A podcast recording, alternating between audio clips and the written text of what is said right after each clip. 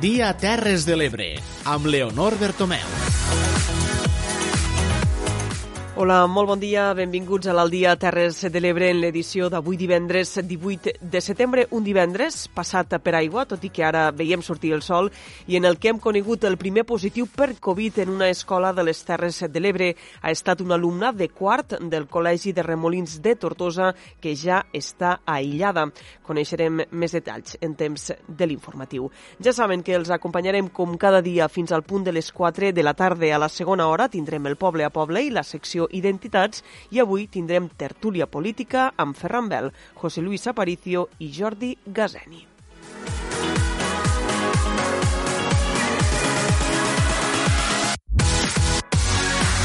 Així que comencem aquí l'Aldia Terres de l'Ebre i com sempre per començar repassem el nom de totes les persones que el fem possible i que són Tere Giner i Clara Seguí des de la Plana Ràdio, Núria Mora, Clàudia Ruiz i Xavier Falcó des de Ràdio Tortosa, Laia Oltra i Francesc Callau des de la Cala Ràdio, Judit Castells des de Ràdio Joventut, Eduard Carmona des de Ràdio Delta, Tomàs Ginestra, Jordi Galo i Manel Ramon des de Amposta Ràdio i Ruth Turc des de Ràdio Mora La Nova. Per començar, anem a conèixer les notícies més importants que tractarem avui en l'informatiu amb el sumari de titulars.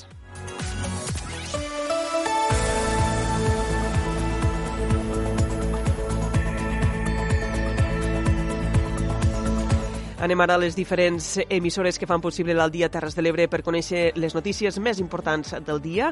Primer positiu de Covid d'una alumna de l'Escola de Remolins de Tortosa. Radio Tortosa, Núria Mora. Bon dia, Leonor. Doncs sí, la Brigada Municipal de la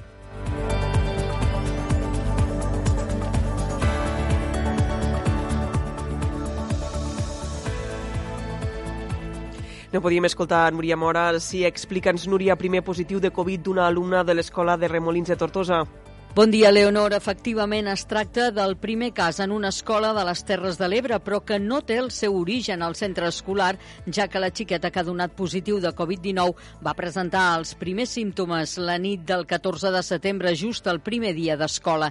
De moment, el Col·legi de Remolins de Tortosa ha calgut confinar el grup estable de quart de primària, format per 23 alumnes i 4 mestres. Ara estan a l'espera dels resultats de la prova PCR del germà de la xiqueta contagiada que fa sisè de primària. L'Ajuntament de la Mella de Mar adapta els nous accessos de l'Escola Sant Jordi a les restriccions per la Covid-19. La Cala Ràdio, Laia Oltra. Bon dia, Leonor. Doncs sí, la Brigada Municipal de l'Ametlla de Mar ha pintat línies divisòries d'un metre i mig de distància a terra dels diferents accessos educatius per tal que els alumnes respectin aquesta distància de seguretat a l'hora d'entrar al recinte.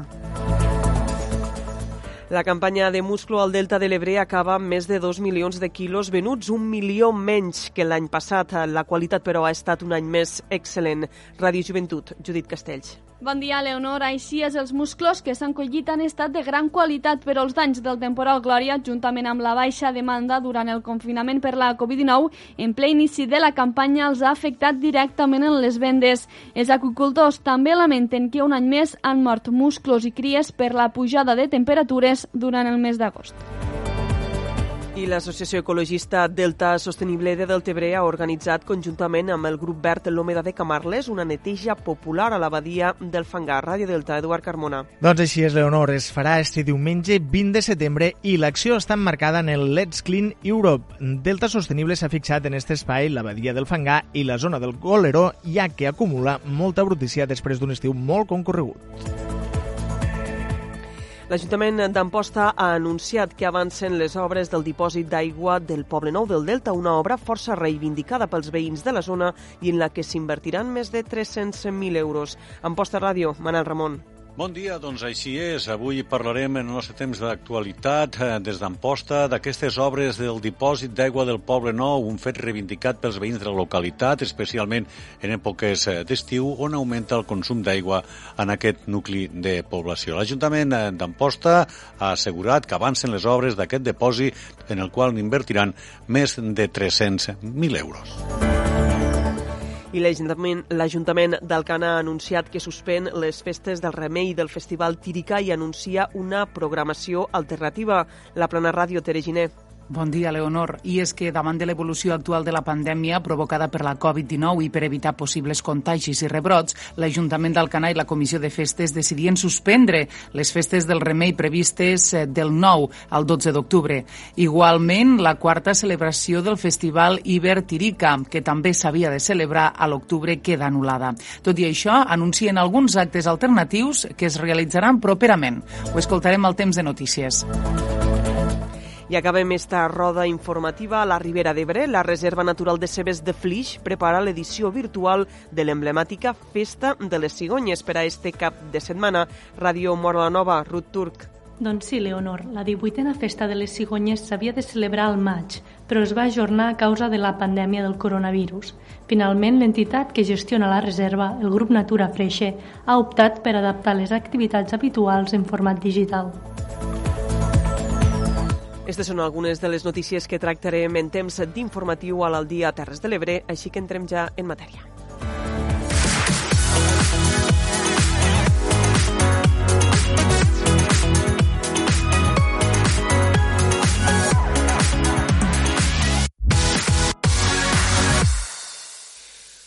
Una de la tarda, gairebé 11 minuts. Ens posem ja en l'informatiu de l'Aldia Terres de l'Ebre. Primer cas de positiu de Covid-19 en un centre escolar a les Terres de l'Ebre. Es tracta d'una alumna de l'Escola de Remolins de Tortosa que ha donat positiu després de presentar símptomes el passat dilluns a la nit. Això ha comportat aïllat a aïllar el grup estable de 23 alumnes i 4 mestres. Té tota la informació Núria Mora des de Ràdio Tortosa. Efectivament, Leonor, la xiqueta que cursa quart de primària només va assistir a classe el primer dia d'escola, aquest dilluns, 14 de setembre.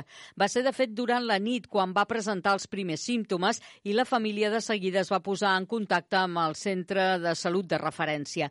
A partir d'aquí es va activar el protocol i se li va fer la prova PCR, que ha donat positiva. En declaracions a Ràdio Tortosa, la directora del Col·legi de Remolins, Eugènia Vela, ha volgut deixar clar que aquest contagi no s'ha produït en el sí del centre educatiu contagi ve de fora, vull dir que no s'ha produït al centre de cap manera, vull dir, la xiqueta només ha assistit un dia a l'escola, el dia 14, i per la nit, durant la nit, no sé dir exacte en el moment, eh, la xiqueta és quan ella comença a tindre febre, comença a no trobar-se bé, i, bueno, i és el que fa la mare molt bé trucar a Salut dient, pues mira, la meva filla té estos símptomes i a més està 38 i mig de febre i ja se comença a engegar tot el protocol i en l'endemà li fan la PCR i, bueno, esperant els resultats i el, clar, és evident que este cas ve de fora, no, no ha sigut dins el centre contagiat. L'escola de Remolins està a l'espera ara de conèixer també el resultat de la prova PCR que se li ha fet al germà d'aquesta alumna contagiada i que cursa sisè de primària.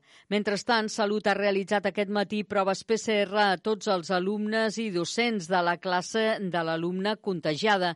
Els resultats es coneixeran entre diumenge i dilluns. La directora de l'Escola de Remolins ha explicat que ha calgut confinar durant 14 dies el grup estable de quart de primària format per 23 alumnes, la tutora i tres mestres més. Ahir al migdia me truquen des d'epidemiologia i me diuen que la xiqueta ha sortit positiva, la PCR, per lo tant, eh, que hem de confinar l'aula, la, ¿vale? el grup estable de quart l'havíem de confinar.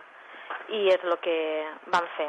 Vam, vam vindre en seguida i vam avisar totes les famílies i vam confinar a tota la, el grup estable de quart i el professorat que just aquell dia havia passat, el primer dia, és a dir, el primer dia que havia passat el professorat també s'ha confinat aquests quatre mestres. Aquest cas positiu de Covid a l'Escola de Remolins de Tortosa no afecta, però, el funcionament del centre educatiu, ja que està dividit en tres blocs. Segons la directora, amb el grup confinat es continuarà fent activitat lectiva de forma telemàtica. I se'ls ha fet la prova i han marxat cap a casa i, bueno, doncs ara un treball a través de telemàtic o a través del WhatsApp i ja està. Tal com van fer el confinament, doncs ara treballaran la classe de quart fins que puguen tornar a vindre. La directora de l'Escola de Remolins s'ha mostrat satisfeta de la resposta de les famílies i assegura que la majoria d'alumnes han assistit avui a l'escola amb normalitat. Bueno, doncs les famílies ahir tenien dubtes i tots els tutors i tot el professorat a qui se'ls preguntava se'ls intentava explicar doncs, bueno, que estaven molt aïllats, que no hi havia hagut contacte, encara que fossin part de la mateixa comunitat, ni al pati tenen contacte ni tenen per lo tant que estessin tranquils. I han respost bé perquè avui no notem un absentisme ex exagerat de dir ui, degut a això no han vingut. No, no.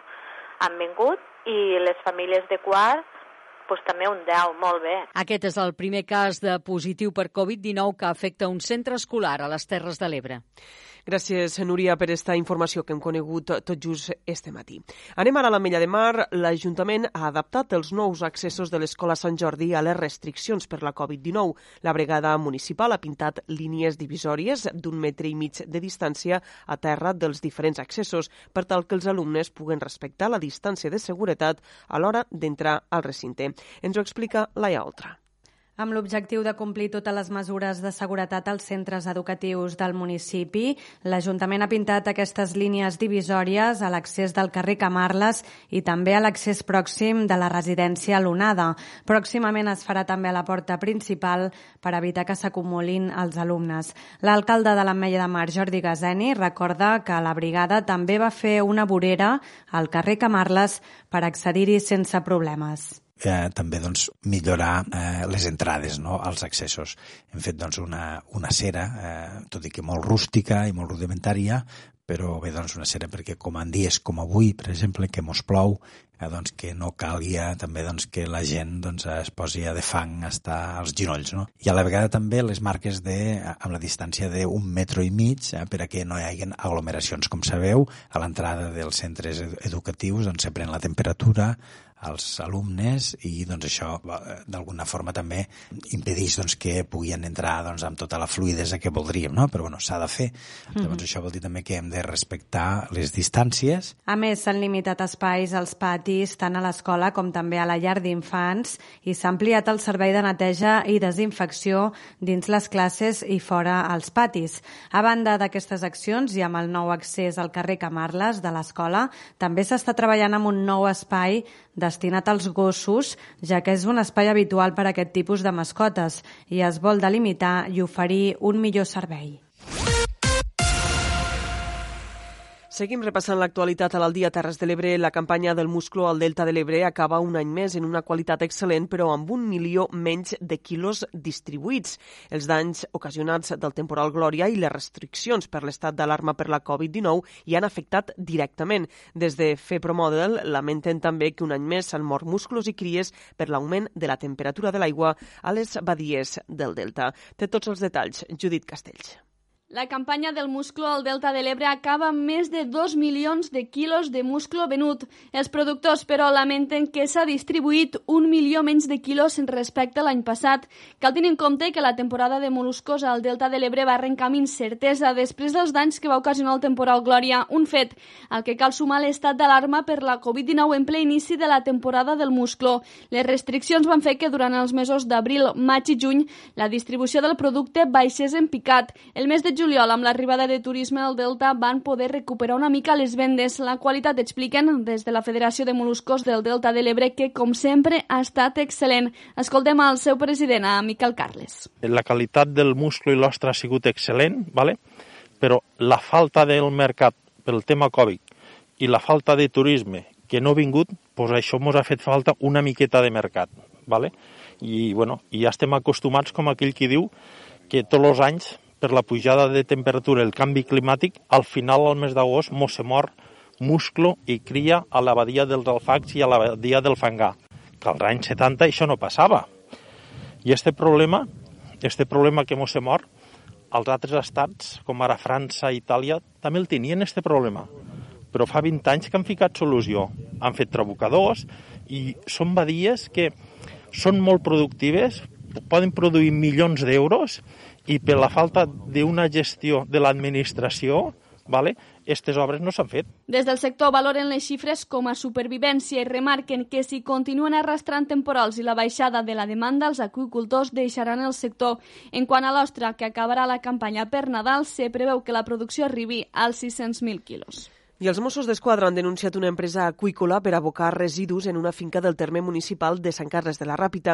Agents de la Unitat Regional de Medi Ambient de les Terres de l'Ebre es van personar al lloc el passat dia 10 de setembre després de detectar que s'enterraven grans quantitats de residus provinents de l'aqüicultura, restes de musclos i ostres en uns forats excavats al terreny, uns, uns residus, segons recorden, que requereixen un tractament específic i han de ser efectuats per empreses especialitzades segons la normativa. Quan van identificar el titular del terreny van comprovar que també era propietari d'una empresa aqüícola. L'home ha estat denunciat per una infracció en la gestió de residus i la tramitació s'ha traslladat a l'Agència de Residus de Catalunya i l'Associació Ecologista Delta Sostenible de Deltebre ha organitzat, conjuntament amb el grup Bert Lomeda de Camarles, una neteja popular a la badia del Fangar este cap de setmana emmarcada en el Let's Clean Up Europe. Ens ho explica Eduard Carmona. Així és, Leonor, esta neteja és la primera activitat que organitza l'associació Delta Sostenible i ha decidit fer-la en el marc del Let's Clean Up Europe, una acció comuna a tota Europa que pretén conscienciar sobre la quantitat de residus que es llencen de forma incontrolada a la natura i promou accions de sensibilització a través de la recollida de residus abocats il·legalment als boscos, platges o marges de riu. Delta Sostenible s'ha fixat en aquest espai, la badia del Fangar i la zona del Goleró, ja que acumula molta brutícia. Escolta Escoltem Nirvana Durà, portaveu de Delta Sostenible. Havíem pensat d'organitzar una neteja a la, a la badia del Fangar, que és una zona on hi ha moltíssima brossa. D'alguna forma pues, eh, hem fet difusió mos, mm, a les xarxes. Mm, ho hem inclòs dins el programa Lex Clean Up Europe, que, que és un programa que bueno, la gent de tota Europa mm, s'apunta eh, fent activitats de neteja a diferents zones naturals. -hmm. Llavors pues, hem pensat que seria el millor per a començar a fer la, la primera neteja dins de l'Alta Sostenible i vam triar la badia del Fangar perquè és una zona pues, molt necessitada. No? Mm, bueno, és una, una zona d'afluència de gent, però que després tampoc no, no hi arriben les neteges. No? Dura ha recordat també que cal més conscienciació a l'hora de visitar espais naturals i que cal emportar-se la, brosa, la brossa que es genera. Clar, és un espai natural. Llavors, com quan anem a la muntanya, que el que és la brossa me l'hem en natros, pues a la platja o, o a la zona esta del Goleró i d'Illa de Mar i això, pues el mateix, no hi ha contenidors, no hi ha papereres, tot el residu que, que generem molt hem d'emportar natros, no el podem tirar. Allí al medi i allí es quedarà i allò és una zona molt bonica, L'acció de neteja serà este pròxim diumenge 20 de setembre a les 10 del matí i el punt de trobada serà al port d'Illa de Mar. S'ha de portar mascareta, guants i calçat còmode. També s'hauran de mantenir els dos metres de distància i no anar en grups de més de 10 persones. I no ens movem del Delta de l'Ebre, anem fins a Poble Nou del Delta, que veurà aviat feta realitat una antiga reivindicació, la construcció d'un nou dipòsit d'aigua que doni resposta a les necessitats de la població, especialment en època d'estiu. S'invertiran fins a 300.000 euros per part de l'Ajuntament d'Amposta. Té tota la informació, Manel Ramon. Doncs així és, l'alcalde d'Amposta, Adam Tomàs, ha informat eh, que les obres del depòsit d'aigua del Poble Nou del Delta estan avançant a bon ritme, una millora reivindicada per la ciutadania, una millora que Adam Tomàs qualifica de significativa i que forma part de les moltes reformes que s'han de dur a terme al Poble Nou del Delta, donat el seu gran creixement eh, turístic en els darrers anys. Així ho explicava Adam Tomàs. Sí, no se solucionarà tot en el dipòsit, perquè tenim un problema en la canonada, també, que, que té moltes pèrdues i és una de les coses que estem treballant en, en, en Sorea, però, bueno, com a mínim era una de les obres que constava al plec de clàusules de, que va guanyar al seu dia per la gestió de l'aigua, eh, bueno, és un dipòsit de 600 metres cúbics, penseu que ara té un dipòsit de 70 metres cúbics, Poble Nou té una singularitat i és que ha pegat un creixement eh, d'activitat econòmica molt gran. És més, ara ens estem plantejant de suspendre temporalment les llicències d'activitat noves perquè no podem continuar creixent si no tenim les infraestructures preparades, i infraestructures parlem del dipòsit de Poble Nou, parlem de, de la depuradora de Poble Nou, parlem de, bueno, parlem una mica de, de, de, de si s'ha de fer un aparcament per autocaravanes, perquè al final turísticament l'explosió ha sigut tan gran, sobretot aquest any, que, que ens ha donat una mica de temps de poder acabar no? en, tota, en totes aquestes infraestructures que durant molts anys no, no es van fer. El dipòsit és un pas més, I també que el pressupost d'aquest nou depòsit d'aigua del Poble Nou del Delta té una inversió de 300.000 euros i que compta amb una subvenció de 80.000 euros de l'Agència Catalana de l'Aigua. Adam Tomàs també ha posat com a important una de les infraestructures reivindicades al territori i també, especialment al Poble Nou, com és la millora de la carretera de la Vergonya. I anem ara fins a la Ribera d'Ebre. Tivissa disposarà d'una depuradora d'aigua d'aquí a uns mesos. L'Agència Catalana de l'Aigua ha adjudicat el contracte a l'empresa Aquatec amb un pressupost superior als 114.000 euros. Ens informa des de Ràdio Mora la Nova, Ruth Turc. L'Agència Catalana de l'Aigua ha adjudicat el contracte per a redactar el projecte constructiu d'una depuradora a Tivissa. L'alcaldessa del municipi, Montse Perelló, destaca la importància d'aquest projecte. És un dels projectes més importants i per, a, per al poble perquè és un dels pocs pobles que estem sense depuradora, no? I per tant, tot el que són les aigües residuals acaben a, arribant als aquífers i per tant eh, és, un, és un projecte molt important que s'ha aconseguit finalment, tot i que ja hi havia altres projectes que arrencaven des del 2002, però que cap se va acabar materialitzant. Eh, per tant, totes les gestions que hem fet a partir del setembre del 2019 han, han acabat doncs, a, a bon port. L'empresa adjudicatària Aquatec Projectos per al sector de l'aigua disposarà d'un termini de 7 mesos, un cop signat el contracte, per a definir quina és la millor solució per garantir el sanejament d'aquest municipi. En aquest sentit, el projecte haurà de preveure diverses alternatives pel que fa a la ubicació de la depuradora, les estacions de bombament i els col·lectors en alta, amb l'objectiu de garantir les necessitats de sanejament actuals i futures. El cost del projecte serà superior a 114.000 euros. Seguim amb més qüestions a l'Aldia Terres de l'Ebre. L'Ajuntament d'Alcanar ha anunciat la suspensió de les festes del Remei i del Festival Tírica i anuncia una programació alternativa. Aquestes festes estaven previstes de celebrar entre el 9 i el 12 d'octubre. Té tots els detalls, Tere Giner. Efectivament, la regidora de Festes, Mercè Fischer, explicava que són conscients que després de tot el que els ha tocat viure durant els darrers mesos, tot i que esperaven amb molta il·lusió les festes majors, s'ha de ser responsable i no posar en risc els protagonistes de la festa, les pubilles, els hereus, les entitats i la ciutadania. Per la seva banda, l'alcalde d'Alcanar, Joan Roig, eh, comentava que es tornarà a optar per espectacles eh, de petit eh, format.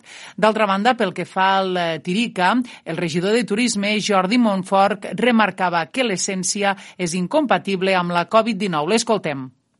Bé, la, la decisió de, de suspendre el Tirica eh, radica bàsicament en, la impossibilitat de, de poder mantindre el format de les activitats que han vingut eh, a organitzar els últims anys. No? El Tirica eh, és, un, és una aproximació al, a la cultura íbera, al món íber, des de la pedagogia, els jocs, no? un, un enfocament així molt immersiu on els més menuts i també els grans doncs poden jugar, poden tocar, poden experimentar i evidentment eh, esta manera de fer en estos tallers on pues, els xiquets toquen, experimenten, juguen, eh, topa frontalment en totes les restriccions a les que ens veiem sotmesos. No?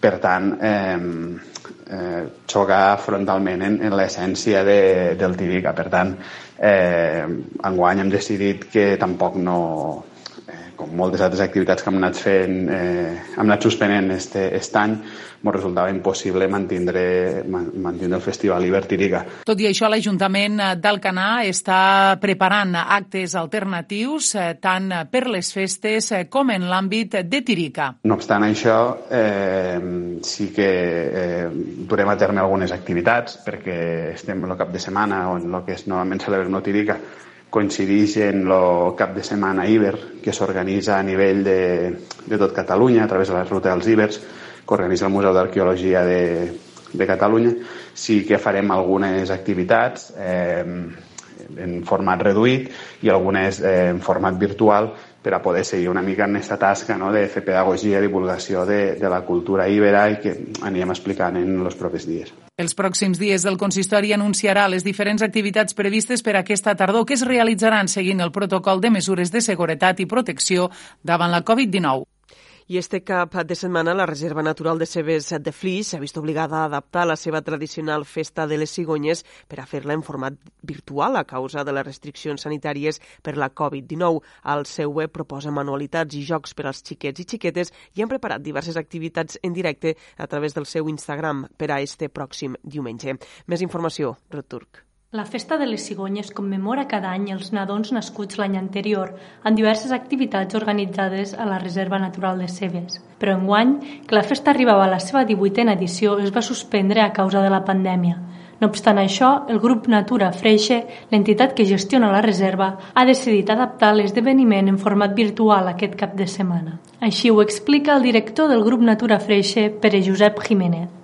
Aquesta celebració dels 18 anys eh, havia de ser molt especial per nosaltres, però malauradament eh, pues la crisi sanitària del Covid va impedir que la féssim al mes de maig quan estava prevista. La vam aplaçar, vam ser potser molt optimistes, vam dir que al setembre potser seria possible i per tant eh, hi hauria les condicions eh, per a poder eh, celebrar, però no ha pogut ser. Evidentment hem de ser previsors, eh, la situació no és la millor i per tant eh, la vam aplaçar i suspendre, però ens va quedar una mica al cor així encongit de dir, ostres, i un any, hi haurà un any en què tots els nadons no podran celebrar la seva festa de les cigonyes, no? El grup Natura Freixe ha adaptat el programa que feien cada any a l'àmbit digital. La tècnica de comunicació de l'entitat, Helena Blanc, explica les diverses activitats que tenen preparades. Bueno, el que hem intentat fer ha sigut adaptar el programa que se venia fent tradicionalment els últims anys a l'àmbit online. Llavors hem preparat una sèrie d'activitats de diferents tipus, sobretot dirigit a públic infantil i familiar. Llavors, eh, comencem en una proposta de diferents manualitats, que són molt senzilles, amb molts pocs materials, perquè puguin participar tots els nens i nenes que vulguin, i llavors potser una mica el més especial o diferent és eh, uns jocs online que hem preparat especialment per a l'ocasió relacionats en temàtica de natura i també en la Reserva Natural de Cebes i molt protagonisme de les cigonyes. A més, el diumenge realitzaran dues activitats en directe a través d'Instagram, una relacionada amb els cavalls de la Camarga i l'altra amb la passera del Bosc de Ribera.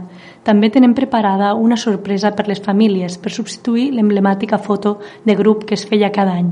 El grup Natura Freixa espera poder celebrar la festa l'any que ve en les circumstàncies habituals. En aquest cas, asseguren que els nadons del 2019 també hi tindran un cert protagonisme.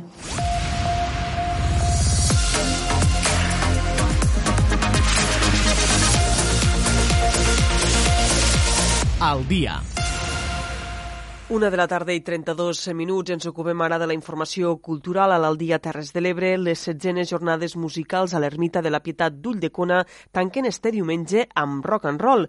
Emphysy Chicken és l'aposta britànica rock and roller per a la clausura d'unes jornades musicals a l'Ermita de la Pietat que s'han hagut de reinventar amb rapidesa per a poder-se dur a terme, Tereginer. Tot i que les entrades per a aquest darrer concert estan exaurides, els seguidors dels concerts a l'Ermita de la Pietat podran gaudir d'aquest eh, mateix concert eh, amb Rumi, la plataforma online que ha permès connectar els espectadors a les jornades musicals des de qualsevol lloc.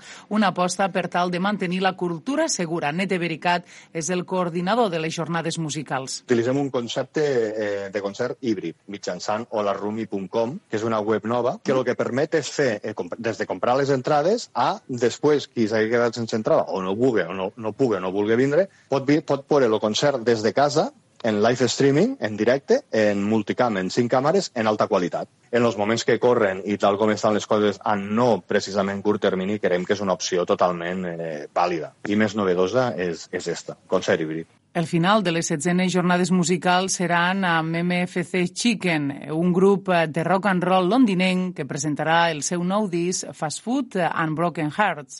Han publicat diversos àlbums i singles que han fet ballar al públic de tota Europa i s'han convertit en un dels grups amb espectacle més excitant de garatge rock and roll del Regne Unit. Garantim que serà un concert d'estos que la gent al cap d'un temps dirà hòstia, jo vaig estar allí, me'n recordo, o sigui, no, això fiquem la mà al foc perquè és una de les bandes que vam triar mm, per a tancar jornades precisament per això, no? eh, perquè sabíem que seria un bombazo de concert.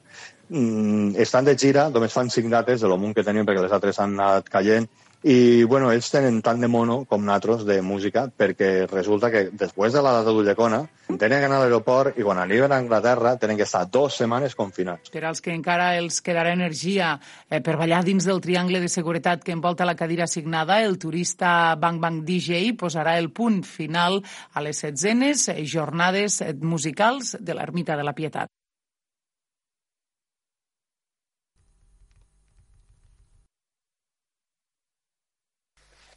Anem ara fins a Amposta, que celebra este cap de setmana una nova edició de les rutes urbanes, visites guiades per visitar les principals construccions modernistes de la ciutat i altres punts d'interès arquitectònic de la capital del Montsià. Té més detalls, Manel Ramon. L'Ajuntament d'Amposta, a través de la Regidoria de Cultura, realitza aquest cap de setmana, concretament demà dissabte, una nova edició de les anomenades rutes urbanes, on es dona a conèixer l'arquitectura modernista de la ciutat i els edificis i monuments més emblemàtics eh, d'Amposta, una iniciativa que té força acceptació i on els punts més destacats són, entre altres, el Pont Penjant i el Museu de les Terres de l'Ebre, tal com explicava la regidora de Cultura, Inés Martí. Bueno, no mos podem deixar el pont, això és com a part quasi, quasi imprescindible d'Amposta. De, Després tenim tota la zona del castell, que és d'on surt la ruta. Després també tenim una menció a lo que són totes les cases modernistes, que la majoria estan a, a l'Avinguda Ràpita, però no, no només n'hi ha a l'Avinguda Ràpita, eh? n'hi ha a molts de, d'espais més de, de la nostra ciutat. I després també tenim eh, el museu, més o menys, i el mercat em volia deixar, que són una mica els edificis potser més emblemàtics de, i la part, bueno, el casc antic en, en la iglesia d'ara i la iglesia que es va eh, trobar quan se van fer les excavacions que tenim marcat la silueta per entendre-nos al terra de, d'allí de la plaça d'Ajuntament. Els interessats i interessades es poden inscriure a l'Oficina de Cultura de l'Ajuntament d'Amposta ja que les places són limitades.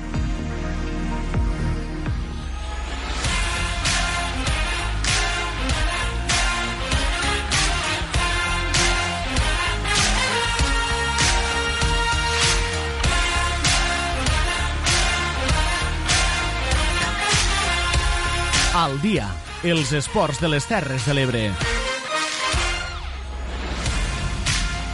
Repassem ara en titulars la informació esportiva d'avui divendres. El Club Bàsquet Cantaires Tortosa enceta temporada amb el nou projecte femení Cantaires per promoure el bàsquet femení al territori. S'ajorna la novena edició del Tuna Reis Balfegó a l'Ametlla de Mar. Els clubs ebrencs continuen preparant la competició amb amistosos i és que tot apunta que el 3 i 4 d'octubre la primera, la segona i la tercera catalana començaran ja la Lliga Territorial. I el primer equip de la Cala jugarà un partit d'entrenament este dissabte contra el filial de la quarta catalana.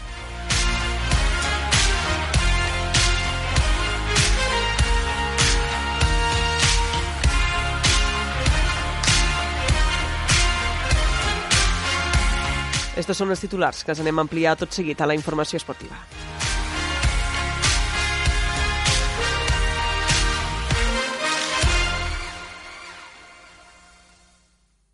Entrem ja en, matèria, en matèria. El Club Bàsquet Cantaires de Tortosa ha presentat el seu nou projecte femení Cantaires per potenciar el bàsquet femení a la capital del Baix Ebre i també al territori. L'entitat es marca com a objectiu a mitjà termini comptar amb un sènior a la Lliga Femenina 2. Ens ho explica Núria Mora. El Club Bàsquet Cantaires compta aquesta temporada 2020-2021 amb 12 equips, quatre dels quals són femenins. Tot i que, sens dubte, serà una temporada atípica, el Club Tortosí ha engegat el projecte femení Cantaires amb la voluntat de potenciar el bàsquet femení a la ciutat i al territori. Es tracta d'un projecte ambiciós a mitjà termini que preveu formar un sènior per a jugar a la Lliga Femenina 2 i que pugui esdevenir referent al club. Així ho ha explicat el president del Club Bàsquet Cantaires Tortosa, Joan Reverter. L'objectiu és molt clar, aconseguir que Femení Cantaires sigui capdavanter de l'esport femení a les nostres terres. Un bàsquet de formació, però també de competició al nivell. Si fem una mica de memòria, la història del nostre club té l'origen al bàsquet femení i Cantaires va ser un referent als anys 80. Per arribar-hi necessitem augmentar la quantitat i la qualitat de les nostres jugadores, començant des de molt petites i acabant a l'equip sènior. I això, tal com hem dit, necessita d'un referent de nivell i que nosaltres creiem que ha de ser un equip sènior femení a categoria nacional, dit Lliga Femenina 2. Les fases d'aquest projecte les anirem desenvolupant al ritme que ens permeti la situació actual de pandèmia. Els quatre equips femenins del Cantaires, mini, infantil, cadet i júnior, estrenaran aquesta temporada una nova equipació diferenciada de la dels equips masculins que lluirà el logo del femení Cantaires. En el marc d'aquest projecte s'ha programat per a finals d'any un partit solidari de Lliga Femenina 2 en què el primer equip del Barça femení ja ha confirmat la seva presència. Javi Hernández és el director tècnic del Club Bàsquet Cantaires Tortosa. Com ja es va fer la temporada passada, al Nadal, juntament amb Creu Roja Tortosa, es farà el partit solidari Cap Nen sense joguina. Aquest any, i amb motiu del projecte Femení Cantaires, tindrem al nostre pavelló un partit de Lliga Femenina 2. Hem arribat a un acord amb el Barça femení i vindran a jugar aquest partit amb el seu primer equip. Encara no tenim data, per, data concreta pel tema, pel tema del calendari de Lliga Femenina 2 perquè hem de jugar el dia de Reis i encara no sabem quin dia podrà ser, però bueno, ho serà i en quan la tinguem us confirmarem, així com l'altre equip que jugarà contra el Barça, que serà també de Lliga Femenina 2. Tots els equips del Cantaires Tortosa ja han iniciat els entrenaments d'una temporada que estarà marcada per la pandèmia de la Covid-19. Per aquest motiu, l'entitat ha pres totes les mesures de seguretat i de prevenció per evitar contagis. Javi Hernández. Van començar els entrenaments el passat 31 d'agost, amb totes les mesures que hem de seguir degut a la pandèmia que estem vivint. Com, per exemple, eh, no podem pujar i baixar jugadors, ja que els grups ser estables, la desinfecció de tot el material, pilotes, conos, etc. després de cada entrenament, tothom s'ha de canviar les sabatilles abans d'entrar a pista, a més de portar un control de temperatura de tots els jugadors abans de, de poder accedir a la instal·lació. Pel que fa a l'equip sènior masculí del Club Bàsquet Cantaires Tortosa, dirigit aquesta temporada per Berni Rubio, torna a tercera catalana i començarà la competició oficial el proper 18 d'octubre a la pista del Hyundai Cambrils. Com els hem dit, eh, s'ha ajornat la novena edició del Turna Reis Balfegó. A finals d'agost, el Turna Reis va comunicar la cancel·lació de l'esdeveniment esportiu que anualment se celebra a les aigües de la Mella de Mar, una travessa que s'inicia des de l'interior del mar a les piscines aqüícoles del grup Balfegó, situades a 5 quilòmetres de la costa. És una informació de Laia Oltra. Tuna Reis Balfegó l'Ametlla estava prevista pel pròxim 27 de setembre, coincidint, com és habitual, amb les jornades gastronòmiques de la Tonyina Roja. Enguany, però, i donada la situació actual, l'organització ha decidit ajornar-la per l'any vinent, el pròxim 2021. En el comunicat s'informava que tots els participants inscrits per enguany se'ls canviarà automàticament la inscripció pel pròxim any sense necessitat de comunicar-ho. Parlem ara de futbol territorial. Els clubs ebrencs continuen preparant la competició amb amistosos. De fet, esta setmana se n'han fet uns quants i per al cap de setmana n'hi ha pendents una desena. I és que, tot i la incertesa pels protocols a seguir, tot apunta que el 3 i el 4 d'octubre, la primera, la segona i la tercera catalana començaran ja la Lliga. Ens amplia la informació Judit Castells. Els jugadors del Jesús Catalònia ja han trepitjat la nova gespa artificial de l'estadi de la Santa Creu. Dimecres se va estrenar amb el partit entre el filial Jesusenc i el juvenil de l'Uidecona i ahir la tarda es va disputar la tercera edició del torneig Joan Tomàs Ballano entre el Catalònia i l'Amposta, conjunt on juga precisament Jordi Tomàs, fill de l'exjugador Jesusenc Ballano. Els ampostins se van imposar per 1 a 3 amb un doblet de Nacho. Tots els gols van arribar ja ben entrada a la segona part. Mentre s'estava disputant el partit a la delegació delegació de la Federació Catalana de Futbol de Tortosa hi havia una reunió informativa entre els clubs de segona i quarta catalana i la Federació. Avui aniran els clubs de la tercera catalana. A dues setmanes per començar la competició, però els dubtes no s'han esvaït. Les mesures de seguretat i els protocols a seguir segueixen generant incertesa en molts clubs. A tot això, si no hi ha res de nou, cada cop sembla més clar que el cap de setmana 3 i 4 d'octubre començaran les lligues de primera, segona i tercera catalana i cada cop també hi ha més clubs preparant-se per tornar a competir. Des del mes d'agost i fins la setmana passada, la Federació Catalana de Futbol havia comptabilitzat 2.700 partits amistosos de futbol i futbol sala amateur a tot Catalunya. Les ganes de futbol hi són, tant per part de molts jugadors com també del públic. De fet, les graderies ahir al municipal de Santa Creu estaven plenes, una imatge que es veurà repetida aquest cap de setmana a les Terres de l'Ebre, on s'hi jugaran més d'una desena d'amistosos. I el primer equip de la Cala jugarà precisament un partit d'entrenament este dissabte contra el filial de la quarta catalana. Després del primer partit de la pretemporada davant del Camarles, els de la Mella de Mar disputaran este dissabte un partit d'entrenament contra el filial Calero sense àrbitre i sense públic. Més informació, Laia Oltra. En un inici, l'equip Calero tenia previst jugar al Pla de Santa Maria, però es va decidir no jugar-lo. I com també el filial de quarta catalana s'havia quedat sense partit, finalment es farà aquest partit entre els dos equips caleros. Aquesta setmana el primer equip de la Cala ha fet un fitxatge nou per compensar el nombre de baixes de la pretemporada. Es tracta del jugador David Alcalà, del juvenil de Jesús i Maria. A més, i de moment de les 10 baixes que tenia l'equip, ja s'han recuperat sis jugadors. L'entrenador Ivan Romeu explica que, mica en mica, sembla que el nombre de baixes va disminuint. La setmana passada arrastràvem 10 baixes, esta setmana hem fet una incorporació nova, que és David, eh, David Alcalà, que estava en el Jesús i Maria, eh, i a part doncs, bueno, hem recuperat 5-6 jugadors que, que la setmana passada no estaven, així que esta setmana ja els entrenos han sigut una mica més en la línia de, de lo que és habitual, i bueno, la veritat que a nivell de, de treball doncs ja tot, tot comença a ser més normal i bueno, esperem que durant el pas de les setmanes pues, se vagi normalitzant tot una mica més. Recordem que el primer equip va disputar el dissabte passat contra el Camarles en el primer partit de pretemporada en el qual el marcador va quedar empat a 1 a 1.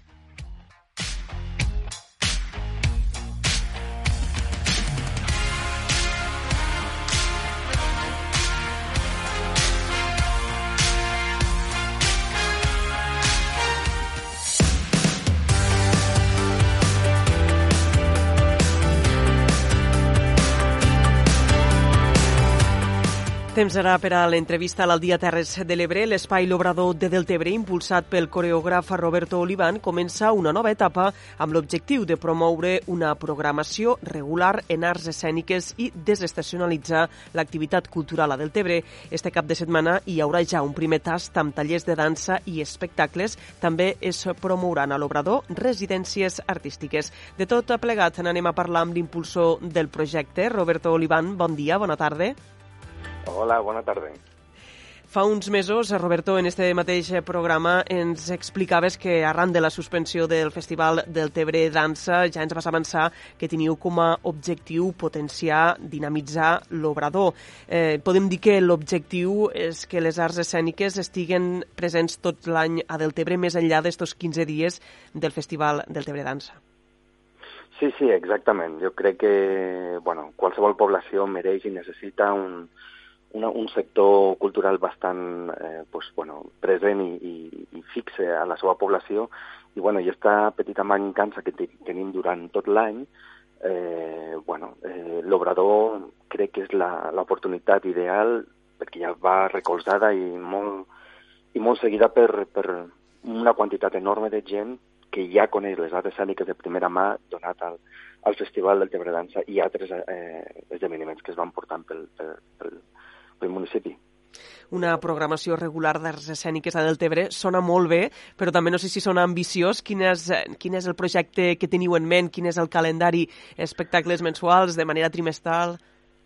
Bueno, eh, jo crec que s'ha de somiar en esta vida i s'ha de... Ens tenim que arriscar.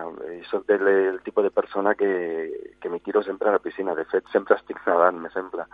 Perquè, bueno, anem perseguint somnis un detrás d'un altre i el no sempre el tenim davant. Eh, bueno, eh, sóc una persona que treballa molt i, i bueno, somio en que tot això és possible. La prova ha estat ja eh, en el Festival del Tebrense, perquè recordo que en el moment era bueno, una negació bastant forta al voltant, com veient que era impossible, i hem donat prova de que és possible, i de fet tenim molts, molts de seguidors, i, i ara convertir-ho en algo més continu i òbviament que estem entrant poquet a poquet, pas a pas, anirem veient com, com creixerà, l'espai existeix perquè ja és una aposta que vaig iniciar farà ara quatre anys, des que vam entrar al, a la nau, eh, que estava completament en ruïnes i vam arribar a una sessió d'espais de, eh, conjuntament en l'Ajuntament de Deltebre i ara mateix ja està físicament preparada per a, per a engegar les, les eines. I ara bueno, eh, comencem en activitats eh, senzilles i esperem que en el temps això pugui, pugui ser realment, realment eh, estable a, a nivell eh, mensual, cada, cada mes fer diverses activitats, clar que sí. Com hem dit al començar, este cap de setmana, en col·laboració amb l'Ajuntament de Deltebre, donareu el tret de sortida a aquestes primeres activitats de la temporada amb tallers de dansa i espectacles de dansa i circ contemporani per a tots els públics. Explica'ns una mica què, què és el que es farà este cap de setmana a l'Obrador. Pues bueno, dissabte de matí tindrem eh, cursos de dansa contemporània i un altre curs de, de danses urbanes eh, de la mà de, de, de, de talents que venen també de la nostra terra perquè és part de la nostra aposta eh, potenciar el talent artístic que, que, que tenim a les Terres de l'Ebre. Llavors, Joana Oliver i Edgar Cid seran els professors en, esta, en, en este cas. I, I diumenge per la tarda seran els dos espectacles que tindrem un a l'interior de, de l'espai de creació L'Obrador eh, i l'altre de, bueno, un serà l'espectacle de, de dansa de la mà de Magí Serra i l'altre l'espectacle en va de la companyia Circ eh, Àfrica, que serà a l'exterior, a la plaça de les Dones. Tots els tallers i els espectacles, ho, ho comentaves ara, eh, s'han programat a la sala principal de l'Obrador, a excepció de, de, les, de l'obra en va que, que es podrà veure a la plaça de les Dones. En tot cas, el que sí que s'ha de fer és reservar entrada no? per, per poder ser-hi, ja que insistiu molt no? en, en fer de la cultura un lloc segur. Clar, clar, clar, clar. És absolutament necessari i està claríssim. Ho ha estat sempre des de que va iniciar tota aquesta moguda del Covid, o sigui, és una cosa que teníem claríssimament que el respecte forma part de la nostra manera de veure la vida i la gent i les coses. I, bueno, tot i, tot i ser una entrada lliure, cosa que és també una altra de, de, de les apostes que nosaltres fem, és eh, aproximar la cultura, que la cultura sigui per a tots i, i que no hi hagi cap tipus de mur o de, eh, per, per evitar eh, l'accés directe, però sí que una organització necessària eh, mitjançant això, les, eh, una, una reserva via el correu electrònic info arroba espailobrador.com pues serà necessari. Uh -huh. eh, insistim en això, no? en que la cultura és segura i, a més a més, el cultura, la cultura ha estat un dels sectors més afectats per la crisi de, de la Covid-19, per l'aturada del confinament, per la situació després en, en la pandèmia. Ahir, precisament, es va fer a Barcelona una, un acte de protesta, esta alerta roja, alerta roja, eh, no? que, que pretén doncs, eh, posar no? en el punt de mira la situació que està vivint la cultura. Crec, Roberto, que tu també hi vas ser no? en aquesta protesta perquè sabem que estàs a Barcelona. Sí, sí, hi vaig ser també i a més estic seguint, òbviament, de molt a prop del que està passant al sector. Això de l'alerta roja, òbviament, quan se diu alerta roja és que la cosa està eh, molt fràgil i molt delicada perquè sempre la cultura ha estat d'alguna manera...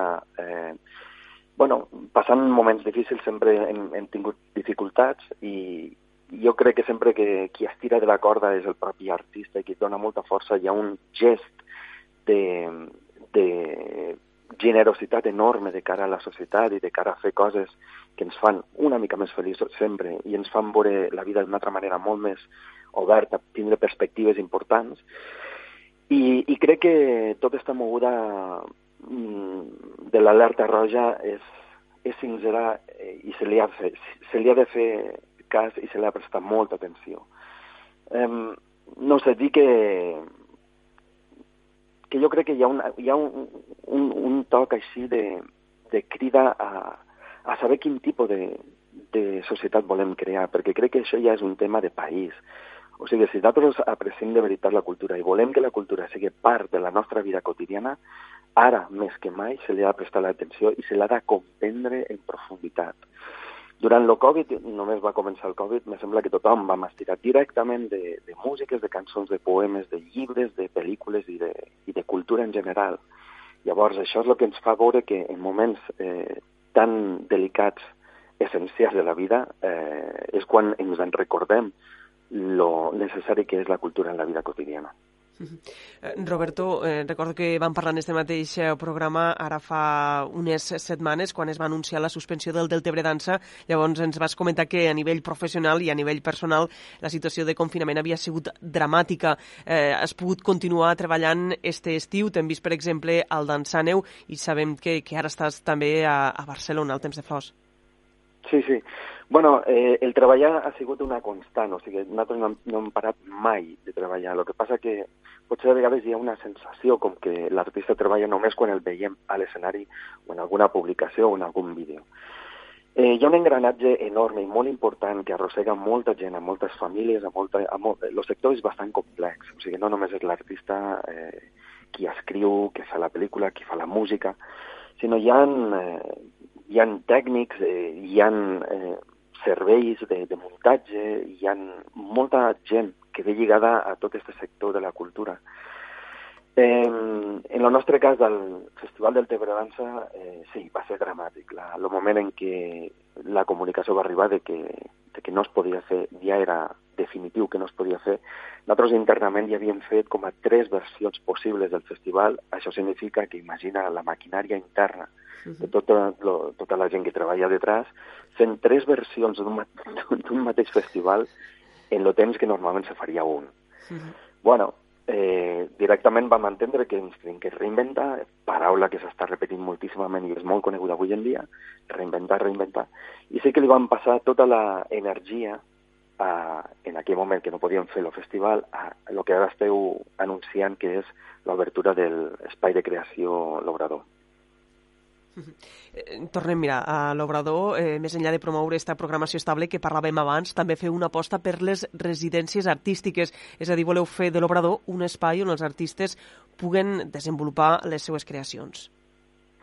Sí, bueno, esta seria l'essència de, de, de l'espai, que precisament ahir nosaltres vam tindre la, la confirmació de que hem entrat ara a una xarxa de centres de creació a Catalunya, i per tant és un espai que, que dona peu, dona suport i és base primordial per a que el sector de les arts escèniques pugui viure, pugui existir. Eh, recordem, per favor, que quan veiem un espectacle a un escenari, algú l'ha fet, algú l'ha pensat, algú l'ha creat, algú ha passat mesos preparant-la per, aquella, per a que durant aquella hora d'espectacle poguéssim gaudir. Això seria part de la comprensió que estem intentant impulsar des d'aquí, la comprensió de tot eh, l'engranatge que, que hi ve detrás.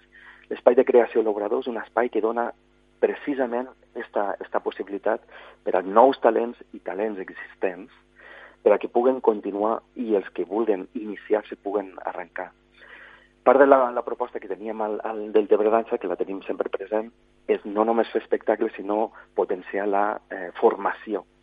I això és el que també volem fer, aprofitar aquest espai de creació per a fer espectacles, però també per a fer formació, per a fer trobades, per a fer xerrades i per a donar peu a tot aquell que tingui aquella sensibilitat artística al nostre terreny, eh, al, a les Terres de l'Ebre, per a poder tindre un espai físic i real connectat en artistes de veritat per a poder fer, eh, bueno, eh, dur a terme la seva activitat i la seva inquietud intel·lectual doncs estarem molt pendents de, de partir d'ara d'aquest espai de creació L'Obrador que ha impulsat Roberto Olivan a Deltebre. Roberto, moltes gràcies i fins una altra. Gràcies per acceptar la nostra invitació. Gràcies a vosaltres. Adéu. Fins aquí la primera hora de l'Aldia Terres de l'Ebre. Tornem en uns minuts a la segona hora amb l'espai Identitats i, com sempre, també amb el Poble en Poble.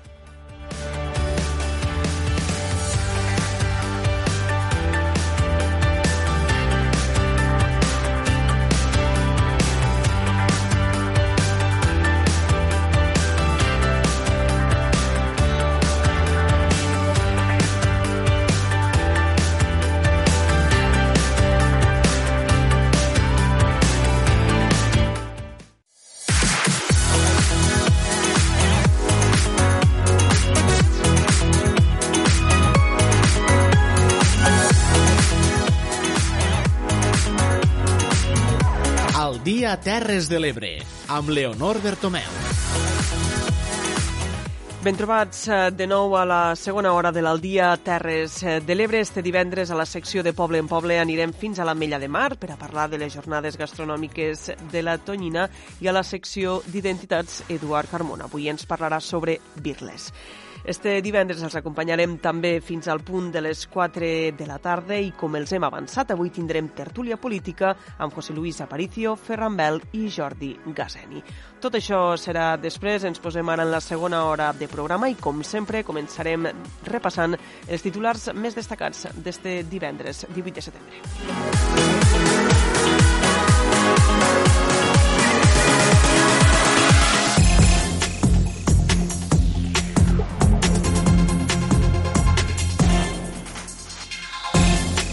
Primer positiu de Covid-19 d'un alumne a les Terres de l'Ebre es tracta d'un estudiant de l'Escola de Remolins de Tortosa. L'alumne de quart de primària va presentar símptomes el passat dilluns a la nit. Això ha comportat aïllar el grup estable de 23 alumnes i 4 mestres. L'Ajuntament de l'Ametlla de Mar adapta els nous accessos de l'Escola Sant Jordi a les restriccions per la Covid-19. S'han pintat línies divisòries al terra amb una distància d'un metre i mig per tal que els alumnes respecten la distància de seguretat a l'hora d'accedir al centre. L'Associació Ecologista Delta Sostenible de Deltebre ha organitzat este diumenge, conjuntament amb el grup verd L'Omeda de Camarles, una neteja popular a l'abadia del Fangà, emmarcada en el Let's, Let's Clean Up Europe.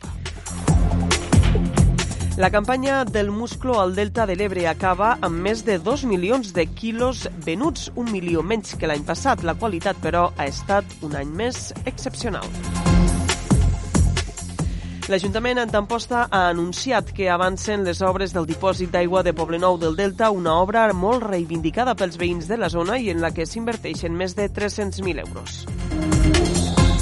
L'Ajuntament d'Alcanar suspèn les festes del Remei i del Festival Tirica que s'havia de celebrar a l'octubre i anuncia una programació alternativa.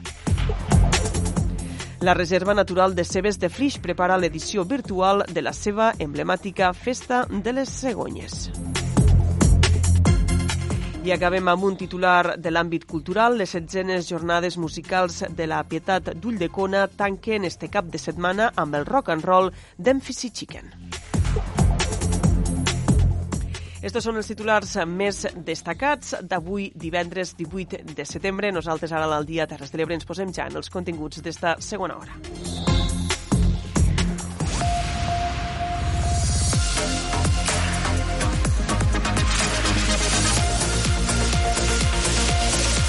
Al dia. I com cada dia comencem fent una mica de memòria amb les efemèrides que ens porta Maria Barbera.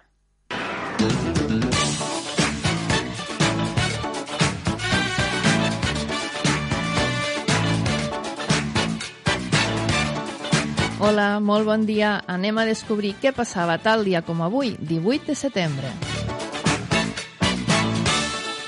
El 18 de setembre de 1502, Cristòfol Colom arribava a Honduras en el seu quart i últim viatge. Al 1714, també un 18 de setembre, es produïa la capitulació de Cardona a la Guerra de Successió Espanyola.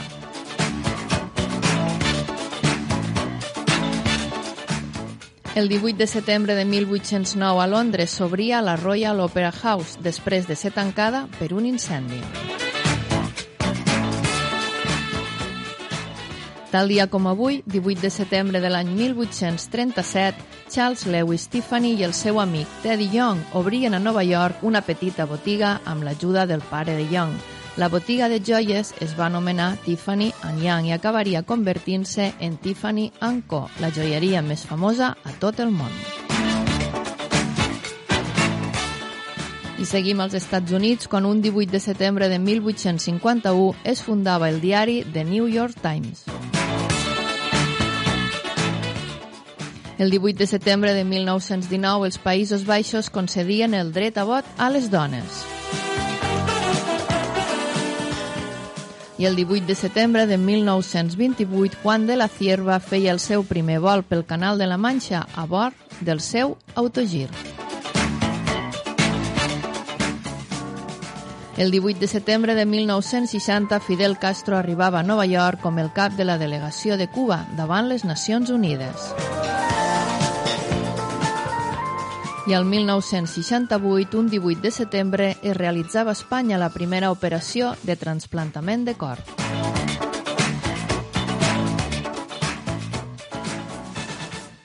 El 18 de setembre de 1977, el Voyager 1 pren la primera fotografia de la Terra i la Lluna juntes.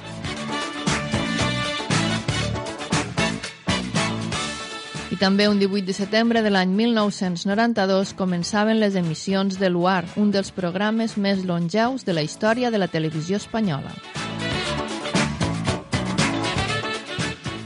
També al 1992 la banda terrorista ETA declarava una treva indefinida de manera unilateral. I acabem recordant que un 18 de setembre de l'any 2014 Escòcia votava el seu referèndum per a independitzar-se dels Estats Units. Que tingueu una feliç jornada. Ens retrobem aviat.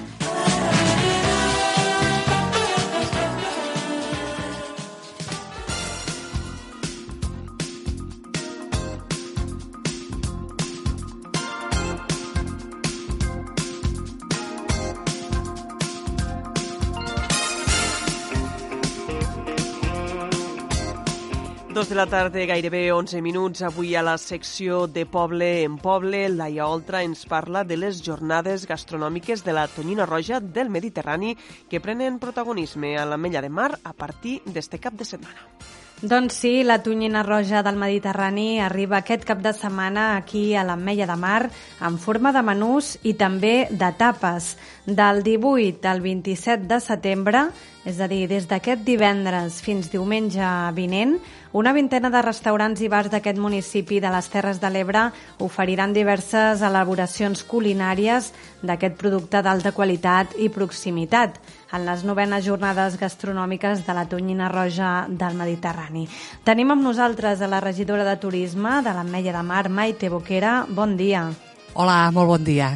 Unes jornades, Maite, que venen ajornades, però que finalment ara es podran celebrar aquest mes de setembre. Eh, què ha canviat respecte a anys anteriors?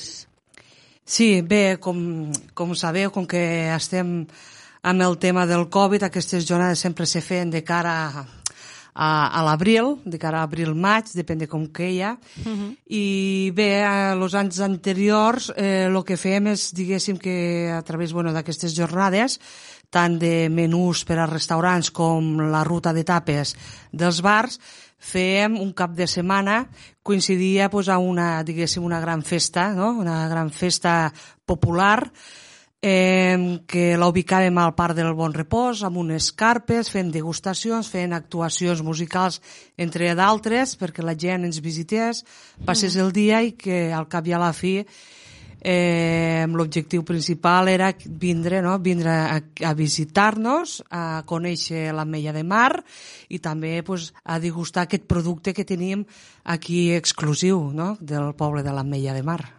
Explica'ns una mica en què consisteixen aquestes jornades. Els que vulguin venir, què trobaran?